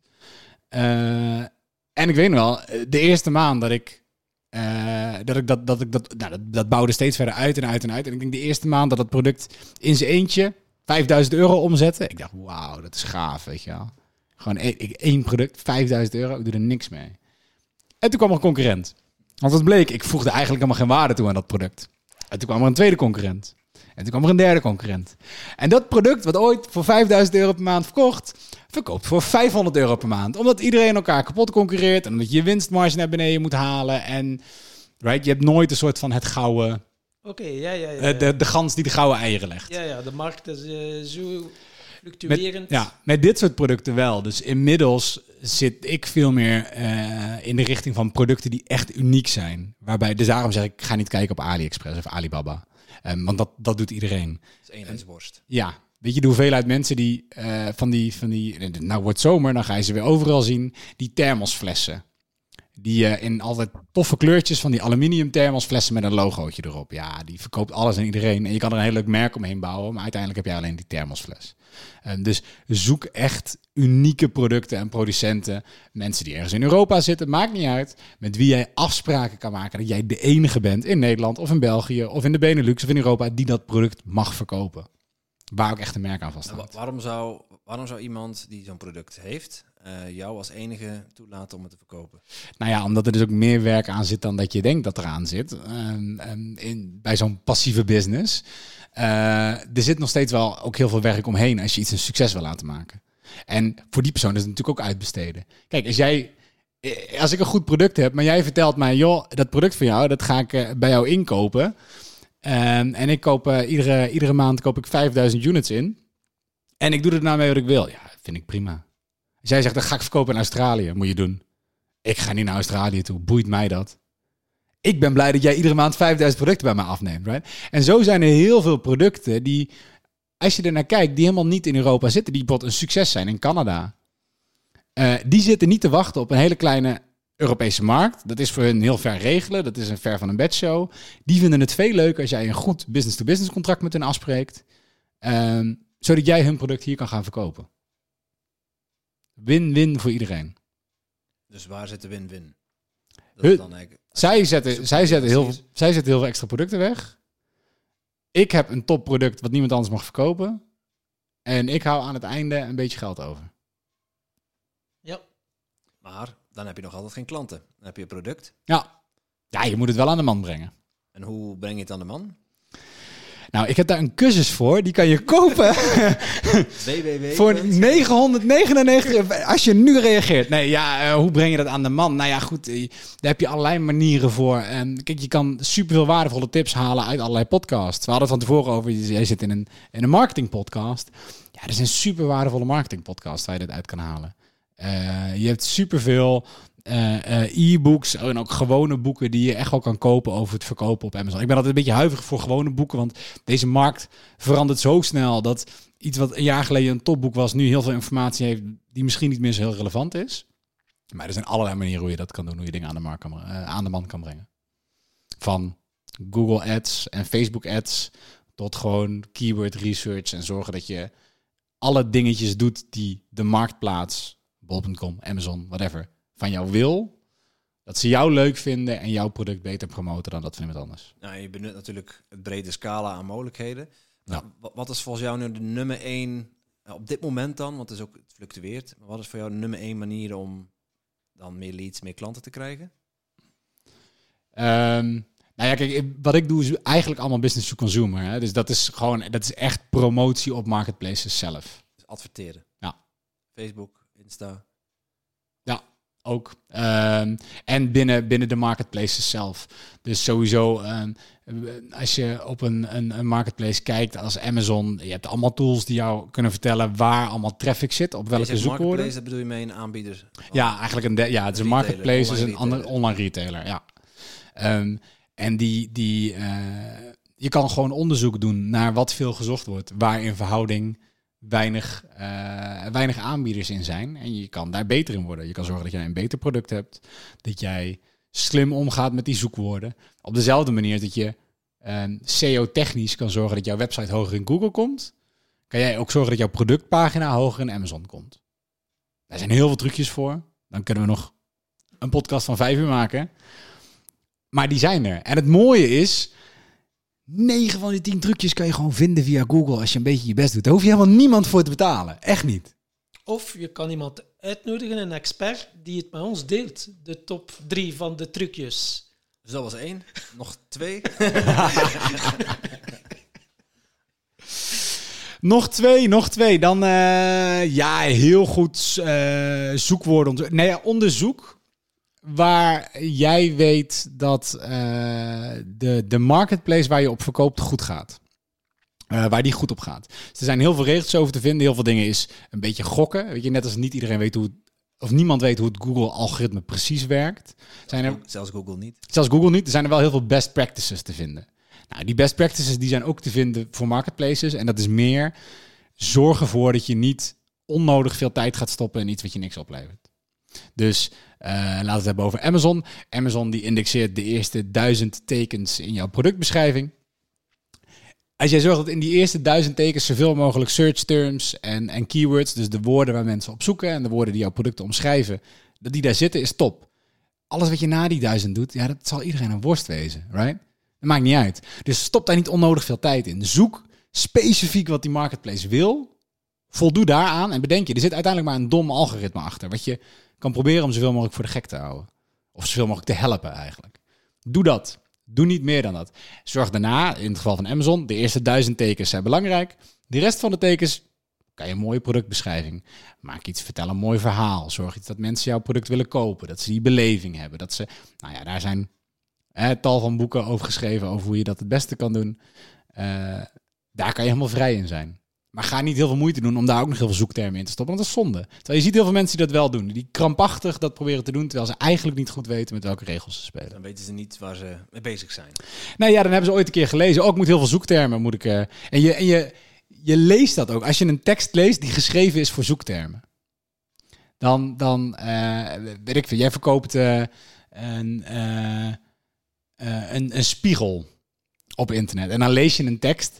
En je, je weet, ze hebben alle verschillende benamingen voor soorten spiegels. Hebben ze. Deze wandspiegel eh, staat heel mooi als staande spiegel in je woonkamer. Of als spiegel in je slaapkamer. Of als spiegel in de badkamer. O- omdat spiegel slaapkamer, spiegel woonkamer, spiegel badkamer. Dat allemaal woorden zijn waar die op gaat. En dan lees je dat en oh, ja, dat is gewoon, gewoon tenen krommend als je dat trucje helemaal door. Dat leest ik helemaal niet fijn. Ja, ja, ja. Ehm, dus dat, dat is, eh, dat is je, je, wou nog een derde tip ook nog? ja. Ehm, Dan denk ik spontaan, verkoop niet het product, maar de beleving Ja. van het product. Wat dat het dan gaat opleveren. Nou ja, dat sowieso. Kijk, mensen die... eh, het is... God, voor wie is dat? Volgens mij is dat van Jos Burgers. Ik ga nu iemand verkeerd credits geven, denk ik. Maar dat maakt niet uit. Volgens mij is het Jos Burgers. Ehm, die zei... mensen kopen geen boren, mensen kopen gaten. Als jij in een bouwmarkt staat... Ja, dat is Jos Burgers. Ja, Jos Burgers, toch? Ja. Als jij in een bouwmarkt staat en jij wil een boor verkopen, dan verkoop je niet het boor, het gat. Iemand is helemaal niet geïnteresseerd in die boor. Iemand wil een gat in zijn muur. Doe dat. En datzelfde geldt voor een product, right? Bedenk je, wat is, het, wat is het gat van jouw product? En zorg dat je niet die boor aan het verkopen bent. Ja, dat is wel eh, mooi dat je die nog een keer eh, erop eh, flakkert. Ja, dat is waar. Ja, dat is mooi. Ja. Dat, dat- dat krijg je na jarenlang allemaal dit soort boeken lezen en zo. Je zit, je zit helemaal vol met dit soort tegeltjeswijsheden. Podcast luisteren. Oh, Jos, Bur- ja. Jos Burgers is wel super interessant ook. Als je meer Zeker. weten over marketing of over sales, dan... eh, Nou, Heeft een, eh, nooit korting, hè? Zeker. van Ge mijn ja, ook geef nooit korting. Ja. Ja. Nou ja, dus dat is, dat is, eh daar zitten heel veel waardevolle tips in. Ehm, en die kan je allemaal, die zijn zo vindbaar. Daar heb je geen cursus voor nodig. En hoe is het bij jou begonnen? Werd jij wakker in je bed en dacht, ja, laten we een keer e-commerce doen, zie? Of, eh, Ehm, ja, is- zo, dat is echt wel een goede vraag. Hoe ben ik daar ooit mee begonnen? Ik ben daar ooit mee begonnen omdat ik, eh, nou, ik zag, ik was een hele tijd wat mensen aan het volgen die, eh, die in de e-commerce zaten. Ik vond het idee van een passief inkomen altijd leuk. Het eerste zelfontwikkelingsboek dat ik ooit heb gelezen is The 4 Hour Workweek. Van Tim Ferriss. Ehm, en ik zeg ook altijd, ik wil, eh, ik wil, ik hoef helemaal niet rijk te worden, maar ik wil genoeg geld hebben om te kunnen doen wat ik wil dat ik op dat moment wil doen. Dat is mijn vrijheid. Ehm, en dat vond ik al, nou, dat vond ik al super inspirerend. Nou, zoiets, het is natuurlijk een vlammetje wat ergens ver weg ligt. En in Nederland kwam ik ook steeds meer mensen tegen die ehm, dit onder andere met e-commerce hadden gedaan. Ik kom heel veel dropshipping tegen, maar ik kom er al vrij, vrij snel achter. Oké, dit is volgens mij een soort van scam waar je intrapt. Nou, Tim Ferriss schrijft er ook over. Over Ja, dropshipping. die heeft het ook over dropshippen. Het is natuurlijk wel een hele... Er is ook niks mis met dropshipping zelf. Laat het even duidelijk zijn dat niet allemaal mensen nu heel boos naar een podcastapparaat aan het schreeuwen zijn. Niet, niet voor jou eh. Ja, ja, het is, het is een hele... Het heeft gewoon een hele negatieve naam gekregen, laat ik het zo zeggen. Het heeft een hele negatieve naam gekregen, terwijl dat helemaal niet hoeft te zijn. Als je het op de juiste manier doet, prima. Like, more power to you. Ga vooral dropshippen. Ehm, maar ik dacht, oké, nou, daar moet ik iets mee. Ehm, en toen kwam ik via via eh, bij een of ander e-book wat je vertelde wat je kon doen eh, om, ehm, eh, om spullen te verkopen op bol.com. Ik weet niet eens meer exact wat. Of op Amazon, sorry, dat was op Amazon. En ik had al een inschrijving bij de KVK, omdat ik ooit het plan had om eh, ondernemer te worden. En die inschrijving, daar deed ik eigenlijk niks mee. Ik had hem al drie kwart jaar, ik had er nog nooit iets mee gedaan. En ik weet nog dat ik op een gegeven moment gebeld werd door een vrouw van de KVK. Die zei, gaat u nog iets doen met deze inschrijving, anders dan sluiten we hem. Want ik deed ieder kwartaal deed ik een nul aangifte, omdat ik niks deed. Nee, nee, nee, ik, ik beloof je, ik ga er ook echt wat mee doen. En ik heb gewoon voor, weet ik veel, voor 200 euro wat spullen ingekocht. En ik ben dat gaan verkopen. En dat liep heel lang, liep dat op een soort van heel laag stroompje. Ik had de eerste keer mazzel. Ik had de eerste keer een product wat het eigenlijk al goed deed. Eh, en daar deed ik helemaal niet zoveel mee. Want ik zat fulltime in mijn internationale salesbaan, waar ik 70 uur per week druk werkte. druk zijn. Ja. Druk, druk, druk. En, en harder, hoger, hyper. En ik liep daar. Nou, ik was helemaal ontevreden in dat bedrijf. Ik liep richting een burn-out, merkte ik. Het was totaal niet leuk meer. Totdat ik op een dag. En nee, ik, want ik houd het verhaal kort, want er zijn meer podcasts van mij die hierover kan luisteren. En dan vertel ik het uitgebreid. Tot ik op een dag dacht. 14 met eh, de podcastgast. Ja. Nou ja, tot ik op een dag bedacht, oké, dit is, eh, ik ben hier klaar mee, ik ga weg uit dit bedrijf. Ik word zelf ondernemer. Ik wilde dat al heel lang. Ik denk, ik heb het nou zo lang geroepen. Je, ik gaf mezelf een schop onder mijn kont, voeg eens daad bij het woord. Ga nou eens echt ondernemen en we gaan het wel zien. Ik had gelukkig een, een goede hoeveelheid geld gespaard. Dat ik ook, had ik ook nodig toen. Ehm, en ik heb gedag gezegd tegen mijn baan, terwijl ik met mijn eigen bedrijf, ik denk, nou, als ik 100 euro per maand verdien, dan was het veel. Dat is een groot risico dan. Ja, ja, groot Parachute risico. Losgesneden Parachute losgesneden. en En- vrije val. Ik denk, ik ga dit doen. En dat is in het begin, dat duurde heel lang. Want het duurde, ik heb echt al wat tijd nodig gehad voor mezelf om weer een beetje te landen. Nadat je wegstapt uit zo'n eh, zo'n drukke functie. Dus 20 kilo afvallen omdat je alleen maar crackers met pindakaas moet eten. Nee, was maar zo'n feest. Nee, ja, maar wel eh, gewoon weer even tot jezelf komen. Even kijken waar je, waar je wel of niet zin in hebt.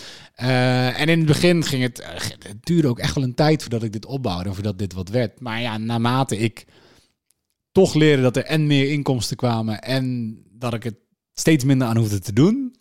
Ja, dan, dan wordt het gewoon een soort van oplossing voor een probleem. en wat voor oplossing bood het jou? Ja, de, de oplossing dat ik mijn eigen schema eigenlijk in kon richten zoals dat ik zelf wilde. Dat het mij de vrijheid gaf om onder andere dit te doen. Om te bedenken dat ik in honderd verschillende podcasts wil gaan zitten in een jaar. Want waarom zou je dat doen? Ja, nou ja, goed. Ik, heb, ik ben gelukkig gezegend met de mogelijkheid om dat te kunnen doen. Er rest mij nog een vraag eigenlijk, want eh, die heb je nog niet helemaal beantwoord. Maar je hebt net uitgelegd waarom je bent gestart, waarom, waarom je 100 podcasts eh, wil doen, maar wat, wat wil je ermee bereiken? Ja, ik zei eh gekscherend, ik wil 100 podcasts. Want dan krijg ik een uitnodiging voor Wie is de Mol. En ik wil meedoen aan Wie is de Mol. Kijk, nu komen we ergens. Het is een tv-programma in Nederland. Jullie hebben het in. België volgens mij ook. Ja, dat is gejat van de België- Belgen. Ja? Oh, sorry. Hij heeft het gejat? Oké, nou, België dat- hebben ze een hele strenge selectieprocedure en, en dan kan iedereen zich inschrijven. En dan moet je 120 eh, verschillende hele moeilijke vragen oplossen. Nederland moet je alleen bekend zijn, hè? Ja, nee, dat is in Nederland, wij doen het gewoon anders. Bij ons moet je bekend zijn. Ik denk, ik ben niet bekend. Wat kan ik doen om bekend te zijn? Nou, als je in honderd verschillende podcasts hebt gezeten, dan ben je misschien bekend genoeg om ooit een uitnodiging te krijgen. Eh, sinds ik dat idee bedacht heb, noem ik dit gewoon in bijna iedere podcast, want dan hoop ik dat iemand het ooit een keer hoort in Hilversum. en dat is mijn uitnodiging sturen. Ehm, nee, ja, dat, dat, bij de Mol podcast te gast gaan. ja, ja dat, ik denk dat dat dan wel, als zodra dat weer begint, dan ga ik daar ook gewoon een keer op schrijven. En dan, en dan drop ik het daar ook nog eventjes.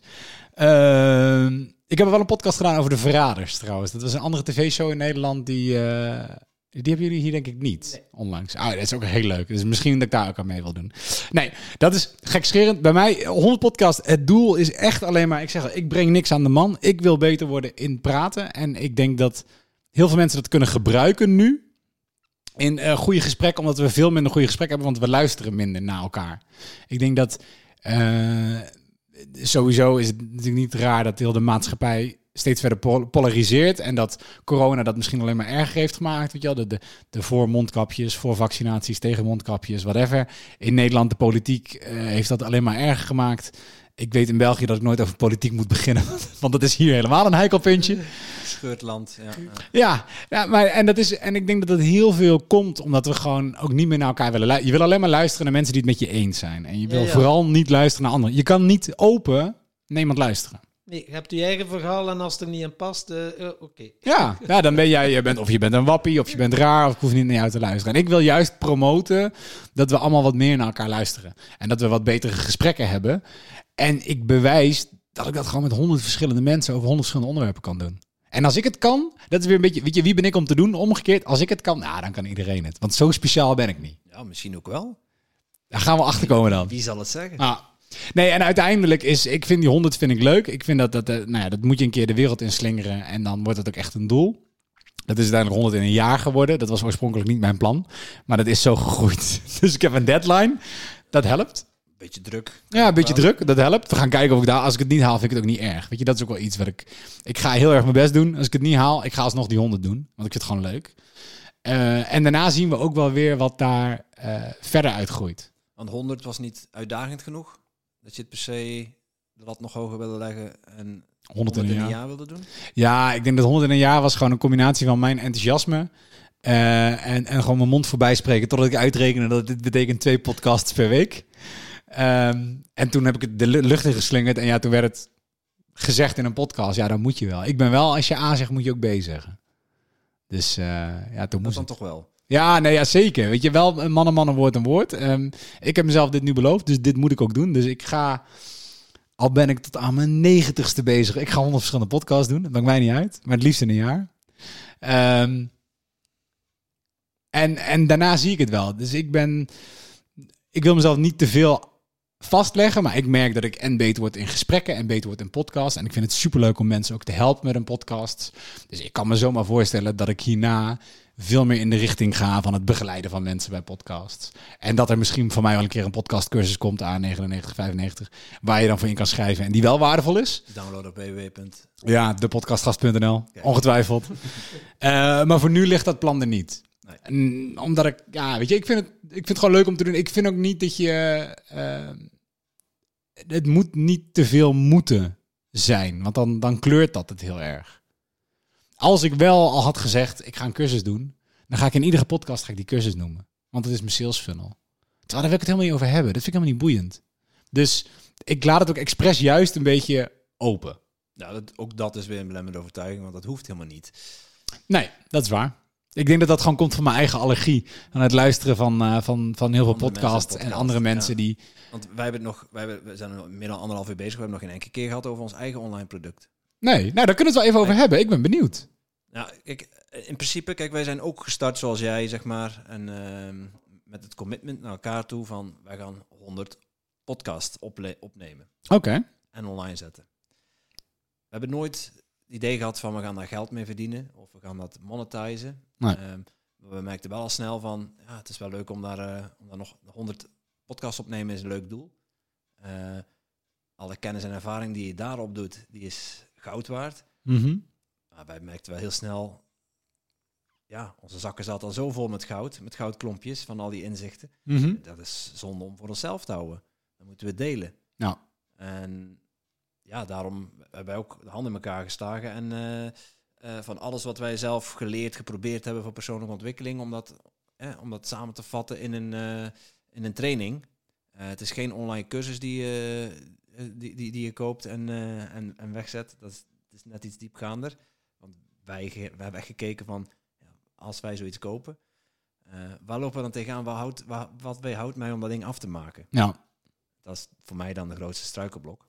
Ja, wel overal aan beginnen. en Ja, overal aan beginnen. Nou ja, Ja, de- reis is zo opgezet dat het een echte reis is. Een ontdekkingsreis. Dus je gaat ook echt naar een... eh, start de reis met een gekapseid schip. En eh, je begint, st- strand op eh, Mindset Eiland.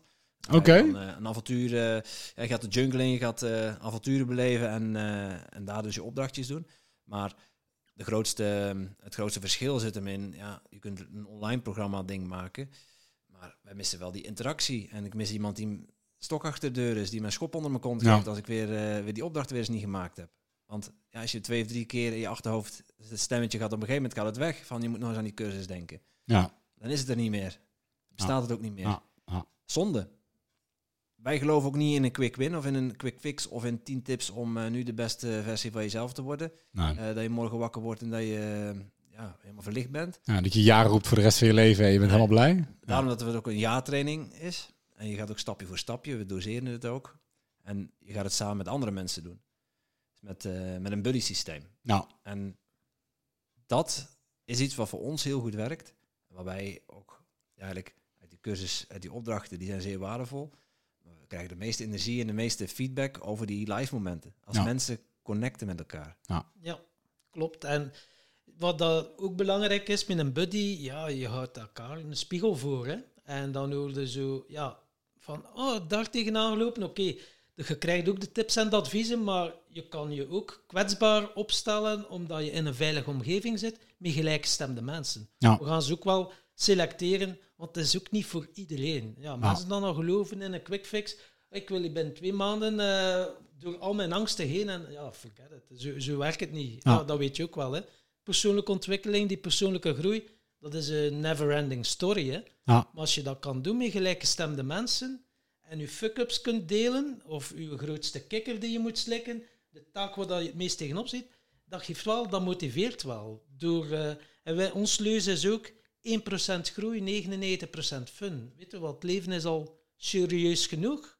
En die 1% groei, als je elke dag 1% groeit, en je bekijkt dat exponentieel, 1% maal 1%, ben je op één, op één jaar 3780% gegroeid. ja, En daar geloven we wel in. ja. Om eh, die kleine beetjes stap voor stap. En om dat ook samen te doen, hè. samen groeien uiteindelijk. Want eh, alleen is maar alleen. Ja. Nee, ik ben het 100% met je eens. Het is eigenlijk eh, wat ik nog niet, niet gedeeld heb in mijn, mijn drie tips over e-commerce dan. Wat mij op een gegeven moment hielp, is ik zeg ook, ik ben ook ZZP'er. Omdat ik helemaal mal werd van in mijn eentje op mijn kamertje achter mijn laptop zitten werken. En ik had niemand om mee te sparren. Ja, vreselijk. Ja. En ik had... Op een gegeven moment komen de muren gewoon op je af. Want iedereen die klaagde over corona en die zei, eh, ja, de- ik moet opeens thuis werken. Ik denk, ja, ik, wer- ik werk al twee jaar lang thuis, man. Wat, wat denk jij nou? En, en, en juist dat ik deze klus opzocht om wel in dezelfde branche te zitten, maar met mensen die ook verstand hebben van marketplaces, met wie je dan wel samen kan werken en met wie je wel inderdaad kan sparren. Ehm, ik zit in een aantal grote ondernemersgroepen ook. Eh, en daar heb je, hebben ze het ook, nou, de, de term die ze daar gebruiken is accountability partner. Maar inderdaad iemand die jou ehm, vertelt over, eh, die jou eraan houdt. Dat je de dingen die jij zegt, dat je die ook doet. En dat je daar ook gewoon, en die je daarbij kan helpen. En die jou soms die spiegel voor kan houden. Dus dat is, ja, ik geloof daar 100% in. Ja, ja en dat is, dat is inderdaad die, die accountability. Ja, dat is onze kat die eh, komt op bezoek. Awesome. Dat is Bram trouwens.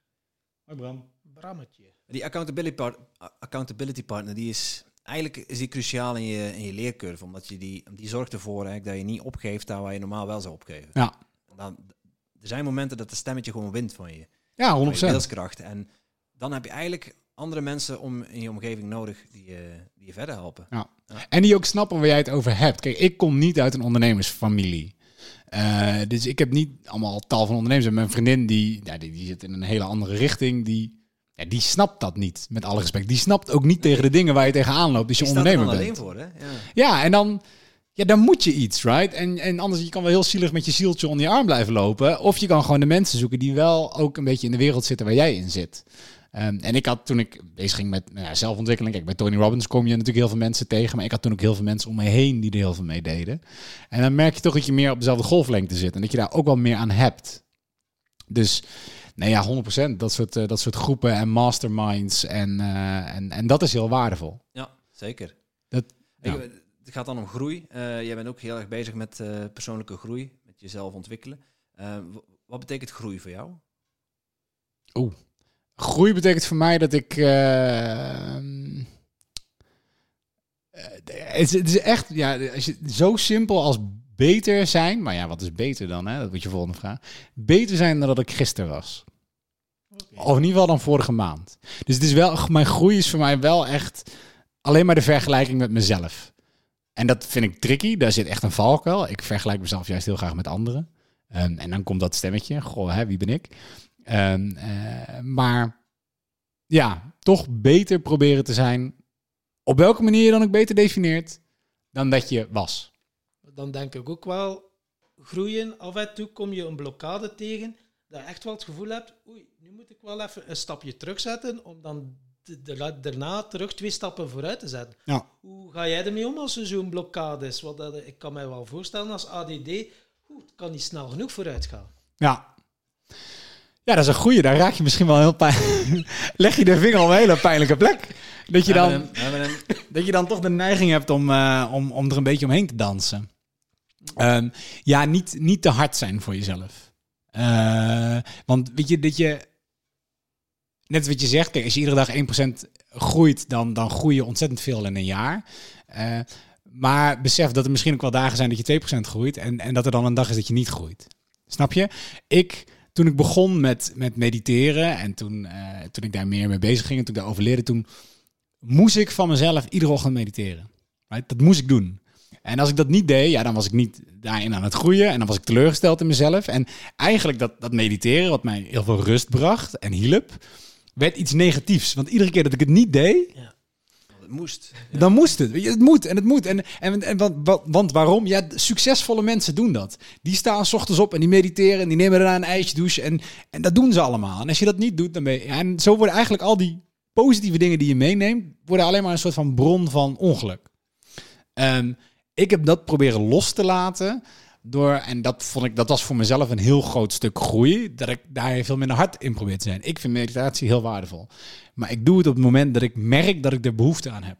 Wat voor mij prima kan betekenen dat ik drie weken achter elkaar niks doe met meditatie. Ik doe, ik doe meestal niet als ik er behoefte aan heb. Nee? Als ik er echt behoefte aan heb, dan, eh, dan sluipt het bij in. Ja? Ja, dat, dat is vaak met goede gewoontes. Hè? Wat, wat je net ook zei, van, dat je ergens verstrandt in, in oude patronen. Ja. Ik, ik heb rugklachten, ik ga mijn rugoefeningen doen als ik rugklachten krijg. Ja. Als het dan beter gaat, dan moet ik ze doen. En als ik, als ik, Ja. als ik geen nood heb, als, ik, als het rustig is in mijn hoofd, dan moet ik juist mediteren om die spier te trainen. Ja. Om die gewoontespier te, te trainen. Ah. En dat zijn wel de momenten dat ik hem eh, laat verslop, verslof, versloffen. Versloffen. Ja. Ja. Verspreek. Word vomit. Eh, hoe, eh, hoe ga jij daarmee om? Want je, neem aan dat jij er ook wel eens tegen Ja, nee, ja, 100%. aanloopt. Ja, 100%. Ehm, ja, eh, op het moment dat je, maar, je herkent dat ook niet altijd van jezelf. Dit soort dingen, die sluipt er inderdaad in of het sluipt eruit. en Je herkent dat niet. Ehm, maar dan op het moment dat je het wel herkent, maak eens even eh, een kleine beweging in de goede richting. En verbijt jezelf ook niet eindeloos op het feit dat je dat dus hebt laten versloffen. Right? Ik had dat met sporten. Ik was iemand die heel vrolijk voor corona begon. En zelfs in het begin, toen we nog naar de sportschool mochten, drie tot vier keer per week in de sportschool stond. Niet het, gewoon omdat ik dat uiteindelijk merk dat ik me daar beter toe voel. Ik hield nooit van sporten vroeger. Het heeft me heel lang gekost om daarin te komen. En uiteindelijk gingen de sportscholen dicht. En toen ben ik gestopt. En dat was januari ergens. En ik heb de afgelopen drie maanden nauwelijks iets aan sport gedaan. Nauwelijks. Er zijn een paar kilo bij. Er is al wat spier weg. Dat was altijd de bedoeling hè, van de corona. Ja, de en ja, ja, goed, weet je, dan kan je jezelf heel lang verbijten op, oké, ja, ik, ik was zoveel sterker en ik woog zoveel minder. En, en ik heb geen zin om nu weer drie keer te beginnen. En het is dan een mega berg waar je tegenop kijkt. Um, tot ik vorige week gewoon heb gezegd, of eigenlijk al twee weken geleden. Fuck it, weet je, we beginnen wel met, eh, met, met 10 pull-ups. Ik heb zo'n pull-up bar. En, en je doet even een kwartiertje lang door je oefeningen. Right? That's it. Like een kwartier. En zelfs als je na dat kwartier denkt... oh, maar ik kan nu wel het hele uur volmaken. Nee, ik heb mezelf een kwartier afgesproken. Ik doe gewoon een kwartier. En dat doe ik de, de, de eerste dag. En, en op de derde dag doe ik, dat, doe ik dat nog een keer. En dan doe ik dat nog een keer. En dan bouw je het weer langzaam op. Je, niet ook accepteren dat je niet meteen weer vol in het... Ja. oké, ik ga vier keer per week een uur sporten. Dan wordt het zo'n groot ding. Dan maak je het zo groot voor jezelf. En ik denk dat heel veel mensen daar wel tegenaan lopen. Dat je de, dingen waarvan je weet dat je waardevol zijn voor jezelf. Je, je gaat jezelf erop verbijten of je doet het niet. Of je bent heel streng op jezelf. Nu ook. Je zei, je hebt nu geen last van je rug? Nu niet, nee. Ja, eigenlijk moet je, en ik heb ook, wat ik heb vroeger ook therapie gehad, ik heb een hele lijst met van die oefeningen. Doe eens een oefening vandaag. Doe er eentje. En accepteer dan dat je ze niet allemaal doet en dat je het niet een heel schema hebt ingericht. Maakt niet uit. Doe er in ieder geval één. En dan wordt die barrière ook weer steeds kleiner. Ja, dus eigenlijk terug. Vergeven, vergevensgezind zijn naar jezelf toe, mild zijn. En als je een keer, uh, als je een keer overslaat, dat is ook oké.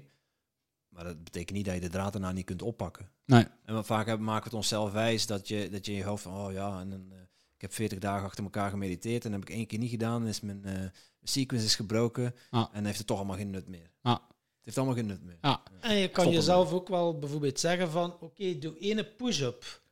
Maar een keer dat de ene doet, dan denkt oké, ja, nu kan ik er even goed tien doen ook. Maar door één, door het al zo klein te maken, ja, doe je dat. Oké, okay, het is maar één en dan doe je er dan toch meer. Of schrijf ene zin op als je zo wilt schrijven in plaats van een bladzijde dat je zegt, oké, maximum, uh, minimum, uh, of, of drie woorden schrijven. Oké, okay, dat je dat schrijft, schrijf je toch meer. Ja. Ja, nee, dat, weet je, dat is een andere die je toe kan passen. Is de, wat ik altijd noemde, de twee minuten regel. Zo whatever je doet, doe twee minuten. Ik heb dat heel erg met schoonmaken. Ik heb geen zin om het huis schoon te maken. Ik vind het, altijd, ik vind het zo waardeloos. Ik moet, mijn vriendin moet echt achter me aanzitten. Om... Oké, prima, dan ga ik twee minuten de badkamer schoonmaken. En als je dan, je, na die twee minuten, als ik het nog steeds vervelend vind, dan mag ik stoppen van mezelf. En soms doe ik dat ook. En dan moet je ook echt, zonder dat je teleurgesteld bent in jezelf, gewoon stoppen. Maar 99 van de 100 keer na die twee minuten denk je, oké, fuck oké, ik doe nou alles wel. Weet je wel, dan is het ook maar klaar. Ben er toch bezig? Ja, nou ja, weet je, en dat is een combinatie van, of je dat nou de twee minuten regel noemt, of het, het, het aftellen van 5 naar 1, omdat je weet dat het moet. Of je hebt allemaal van die kleine trucjes en die techniekjes. Uiteindelijk komt het neer op, kom gewoon in beweging. En wees niet te hard voor jezelf dat je dat voorheen niet gedaan hebt. En wees niet te hard voor jezelf dat je nu niet 100% geeft. Mooi, wijze woorden. Um, de rode draad van onze podcast is... Uh geluk en succes. Ja. Dat uh, heb je waarschijnlijk wel ontdekt toen je die één of twee podcasts van ons geluisterd hebt. De voorbereiding. Ja. Uh, daar heb je natuurlijk heel hard over nagedacht. Dus vertel ons alles, Matthijs. Wat is voor jou de definitie van geluk?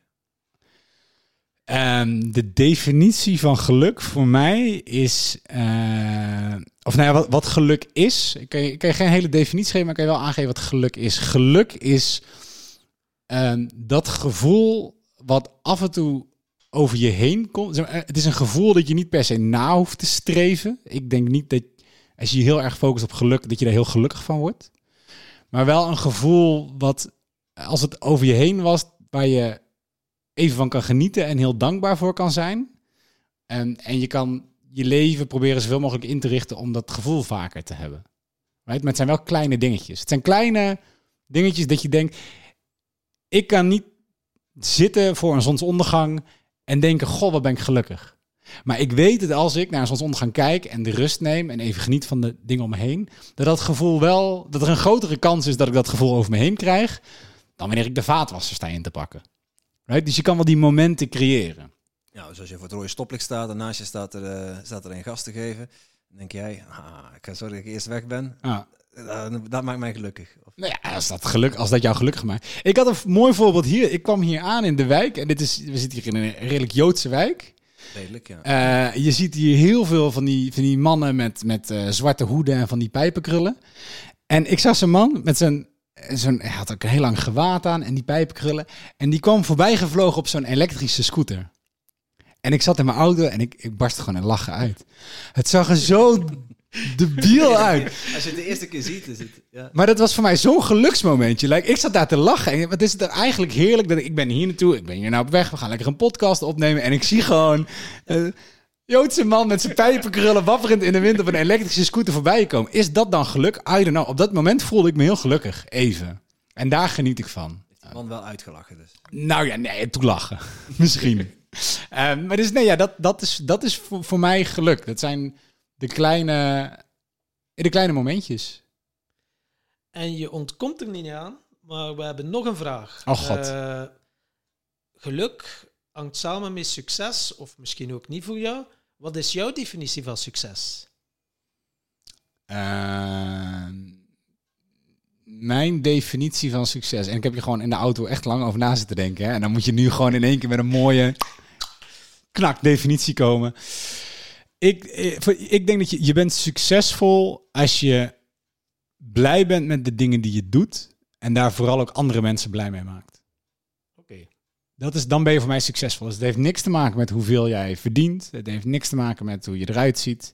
eh, wat voor kleren je aan hebt en wat voor groot huis je bent. Dat was voor mij vroeger was dat wel succes. Succes was voor mij heel erg ehm, eh, Materieel. materieel vooral.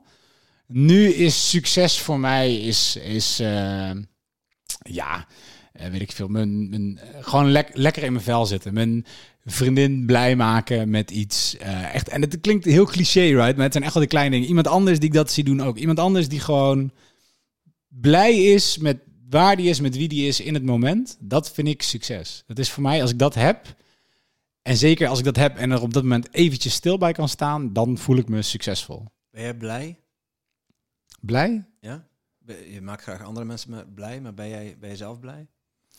Ehm, Ben blij om hier te zijn? Zal ik het concreet maken? ja, nou, ik ben, ja, ik ben blij om hier te zijn. Ik ben, eh, ik ben best wel extravert. Was het je niet opgevallen? Ik vind het altijd leuk om bij andere mensen te zijn. En ik vind het helemaal leuk om te praten. Omgekeerd eh, ehm, heeft ooit een cabaretier gezegd, en dat vond ik een hele goede, hoe kleuriger het jasje, hoe treuriger de clown. Ehm, is ik kan, ik kan best wel, ik kan in mezelf kan ik ook best wel niet blij zijn. Ik heb best wel de neiging om, om ook wel eh, juist, juist down en juist wat donkerder te zijn. Maar door de jaren heen leer je dat herkennen en, en leer je wat je moet doen om dat niet te zijn. Right? En dat heeft allemaal te maken met het veranderen van je omgeving en de mensen met wie je bent. ehm, om dat te stimuleren. Dus Kan je dat toelaten? Want eh, dat was voor mij ook wel eh, een valkuil. Ik wou ook altijd blij zijn. En dan ga je alles positief gaan benaderen. Ja. Om niet te hoeven Ja, te maar- voelen. ja, maar dat werkt niet. Nee, hè? Weet je? Ja, maar dat vind ik dus dat is hetzelfde als het najagen van, van geluk. Is, eh, je, kan, je kan nog zo bezig zijn, alleen maar bezig zijn met geluk en alles in je leven is geluk. En, en dan ga je morgen naar het ziekenhuis en dan vertelt een dokter dat je ongeneeslijk ziek bent. Waar is dan je geluk?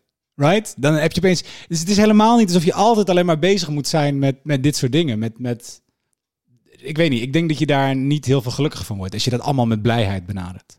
Ja, ik denk, eh, hoe zei het, hoe, laatst iemand? Het is belangrijk om je emoties gewoon bestaansrecht te geven. En zowel verdriet, geluk, blijdschap. Het is, ja, het hoort allemaal bij jou. Ja, het is allemaal onderdeel. eh, het zijn allemaal onderdelen. En de emotie, de ene emotie is niet beter dan de andere. Boosheid, verdriet, blijdschap, noem maar op. Het zijn gewoon emoties die bij jou horen. Ah. Maar het is al één ding om het te beseffen, maar om het dan te beleven en te ervaren, bijvoorbeeld boosheid. Ik, je ziet er nu niet echt een kerel uit die snel boos gaat worden, maar Nou. hoe ga jij omgaan met boosheid? Ga je dan echt wel op een muur gaan slaan of... eh, Dat we moeten zien toen die, eh, toen die Joodse man met die step. Nee, eh, ik, ik kan best wel opvliegerig zijn. Ik kan best wel boos zijn. Ehm, en ook best wel chagrijnig zijn. En ehm, ik, ben, ik ben niet iemand die dat heel snel fysiek uit. Ik sla geen gaten in muren. Eh, maar ik, ik, als het richting andere mensen is, kan ik gewoon gemeen zijn. Eh, ja, dat is- verbaal dan echt ja, wel, dat is het eh, voordeel van heel- verbaal sterk zijn, is verbaal gemeen zijn. Ja. Ik had eh, een paar dagen geleden reed ik samen met mijn vriendin motor. Wij rijden allebei motor. Er was een kerel die reed heel idioot in het verkeer. En hij haalde mij rechts in en hij en met zijn raampje open. En hij reed bijna mijn vriendin van de motor af. En ik zag hem bij het stoplicht. Ja, ik heb hem op een hele creatieve manier even verteld wat ik van zijn rijkunst vond. Dat is dan even klaar, maar dat is in dat moment als je vol adrenaline zit en dan ben je boos. Maar daarna is het ook wel weer klaar en laat je dat wel weer los. Ehm, het is, eh, dat, dat is denk ik wel wat ik het meest gehaald heb uit meditatie voor mij. Ik weet niet of het voor is, dat je dat meer leert herkennen. Dat je een soort van in de derde persoon naar jezelf leert kijken, naar je gevoel leert kijken, wat je op dat moment voelt. En daar iets mee doen. Dat eh, een plek proberen te geven. En het maakt niet uit of het nou geluk is of dat het nou boosheid is of zo.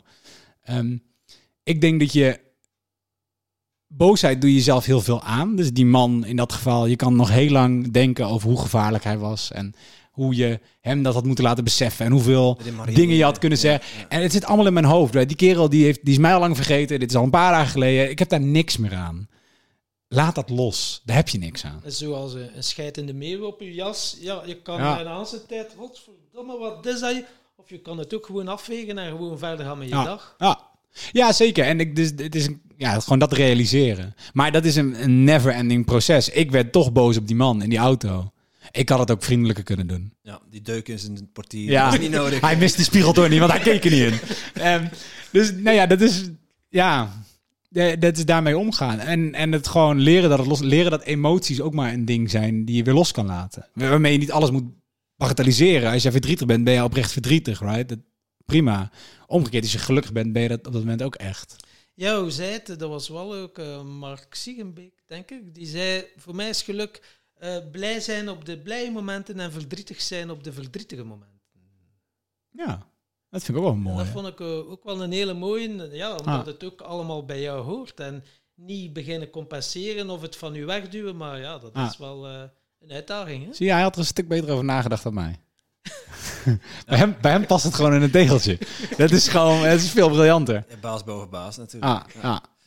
Ehm, ik eh, zie met een schuin oog dat, eh, dat we bijna de twee uur naderen. Oei. Eh, we hadden met jou twee uur afgesproken, maximum.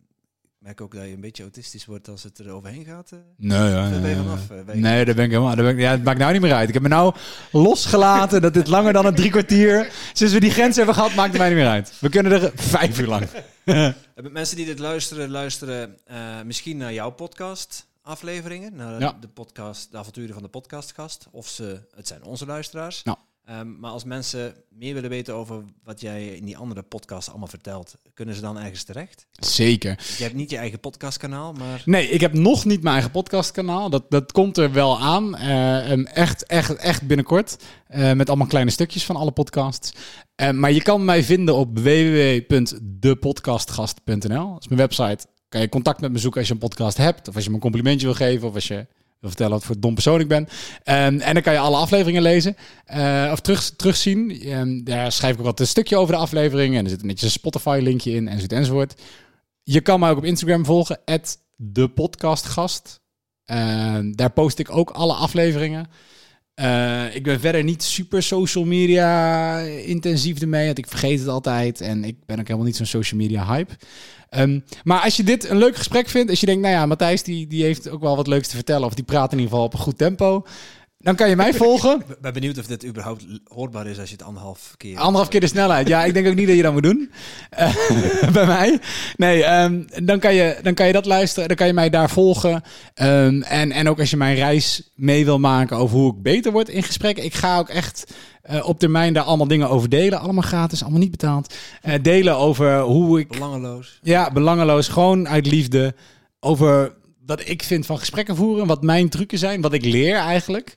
Ehm, en, en, en hoe je dat in kan steken. En dat kan nuttig zijn als je een podcast hebt. Eh, maar dat kan ook nuttig zijn als jij op de verjaardag naast eh, tante Toos zit. eh, die je al maanden niet gesproken hebt. En je noodgedwongen met haar een gesprekje moet aanknopen. Doosjes en op. nu ja. vraag ik mij af, eh, dus ja, beter worden in gesprekken voeren. Wie is bijvoorbeeld jouw voorbeeld? Wie vind jij bijvoorbeeld top in eh, gesprekken voeren?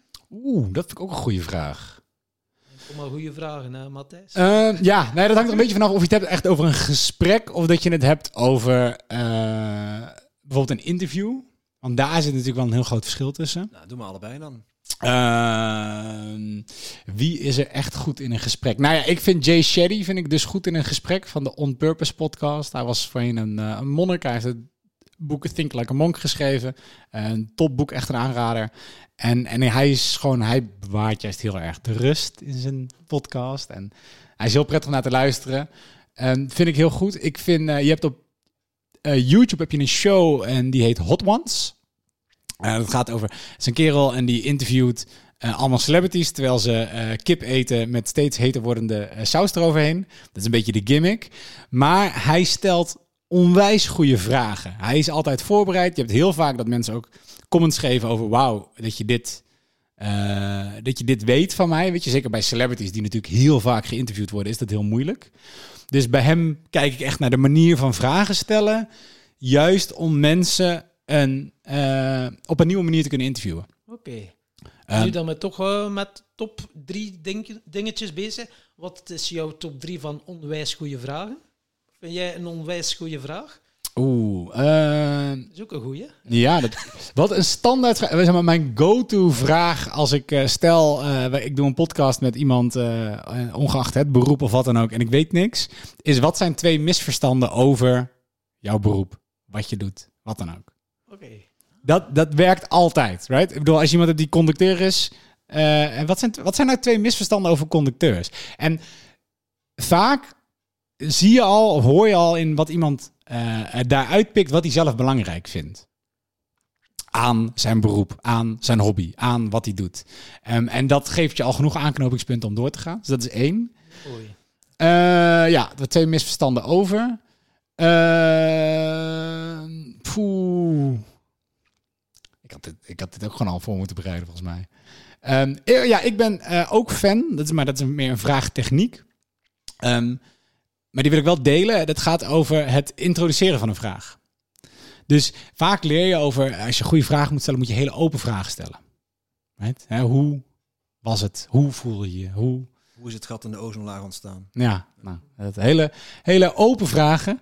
Ehm, en het ding is dat je, je kan eh, op een open vraag kan je ook gesloten antwoorden. En je kan op een gesloten vraag kan je open antwoorden. Dus ik vind dat een beetje een valkuil.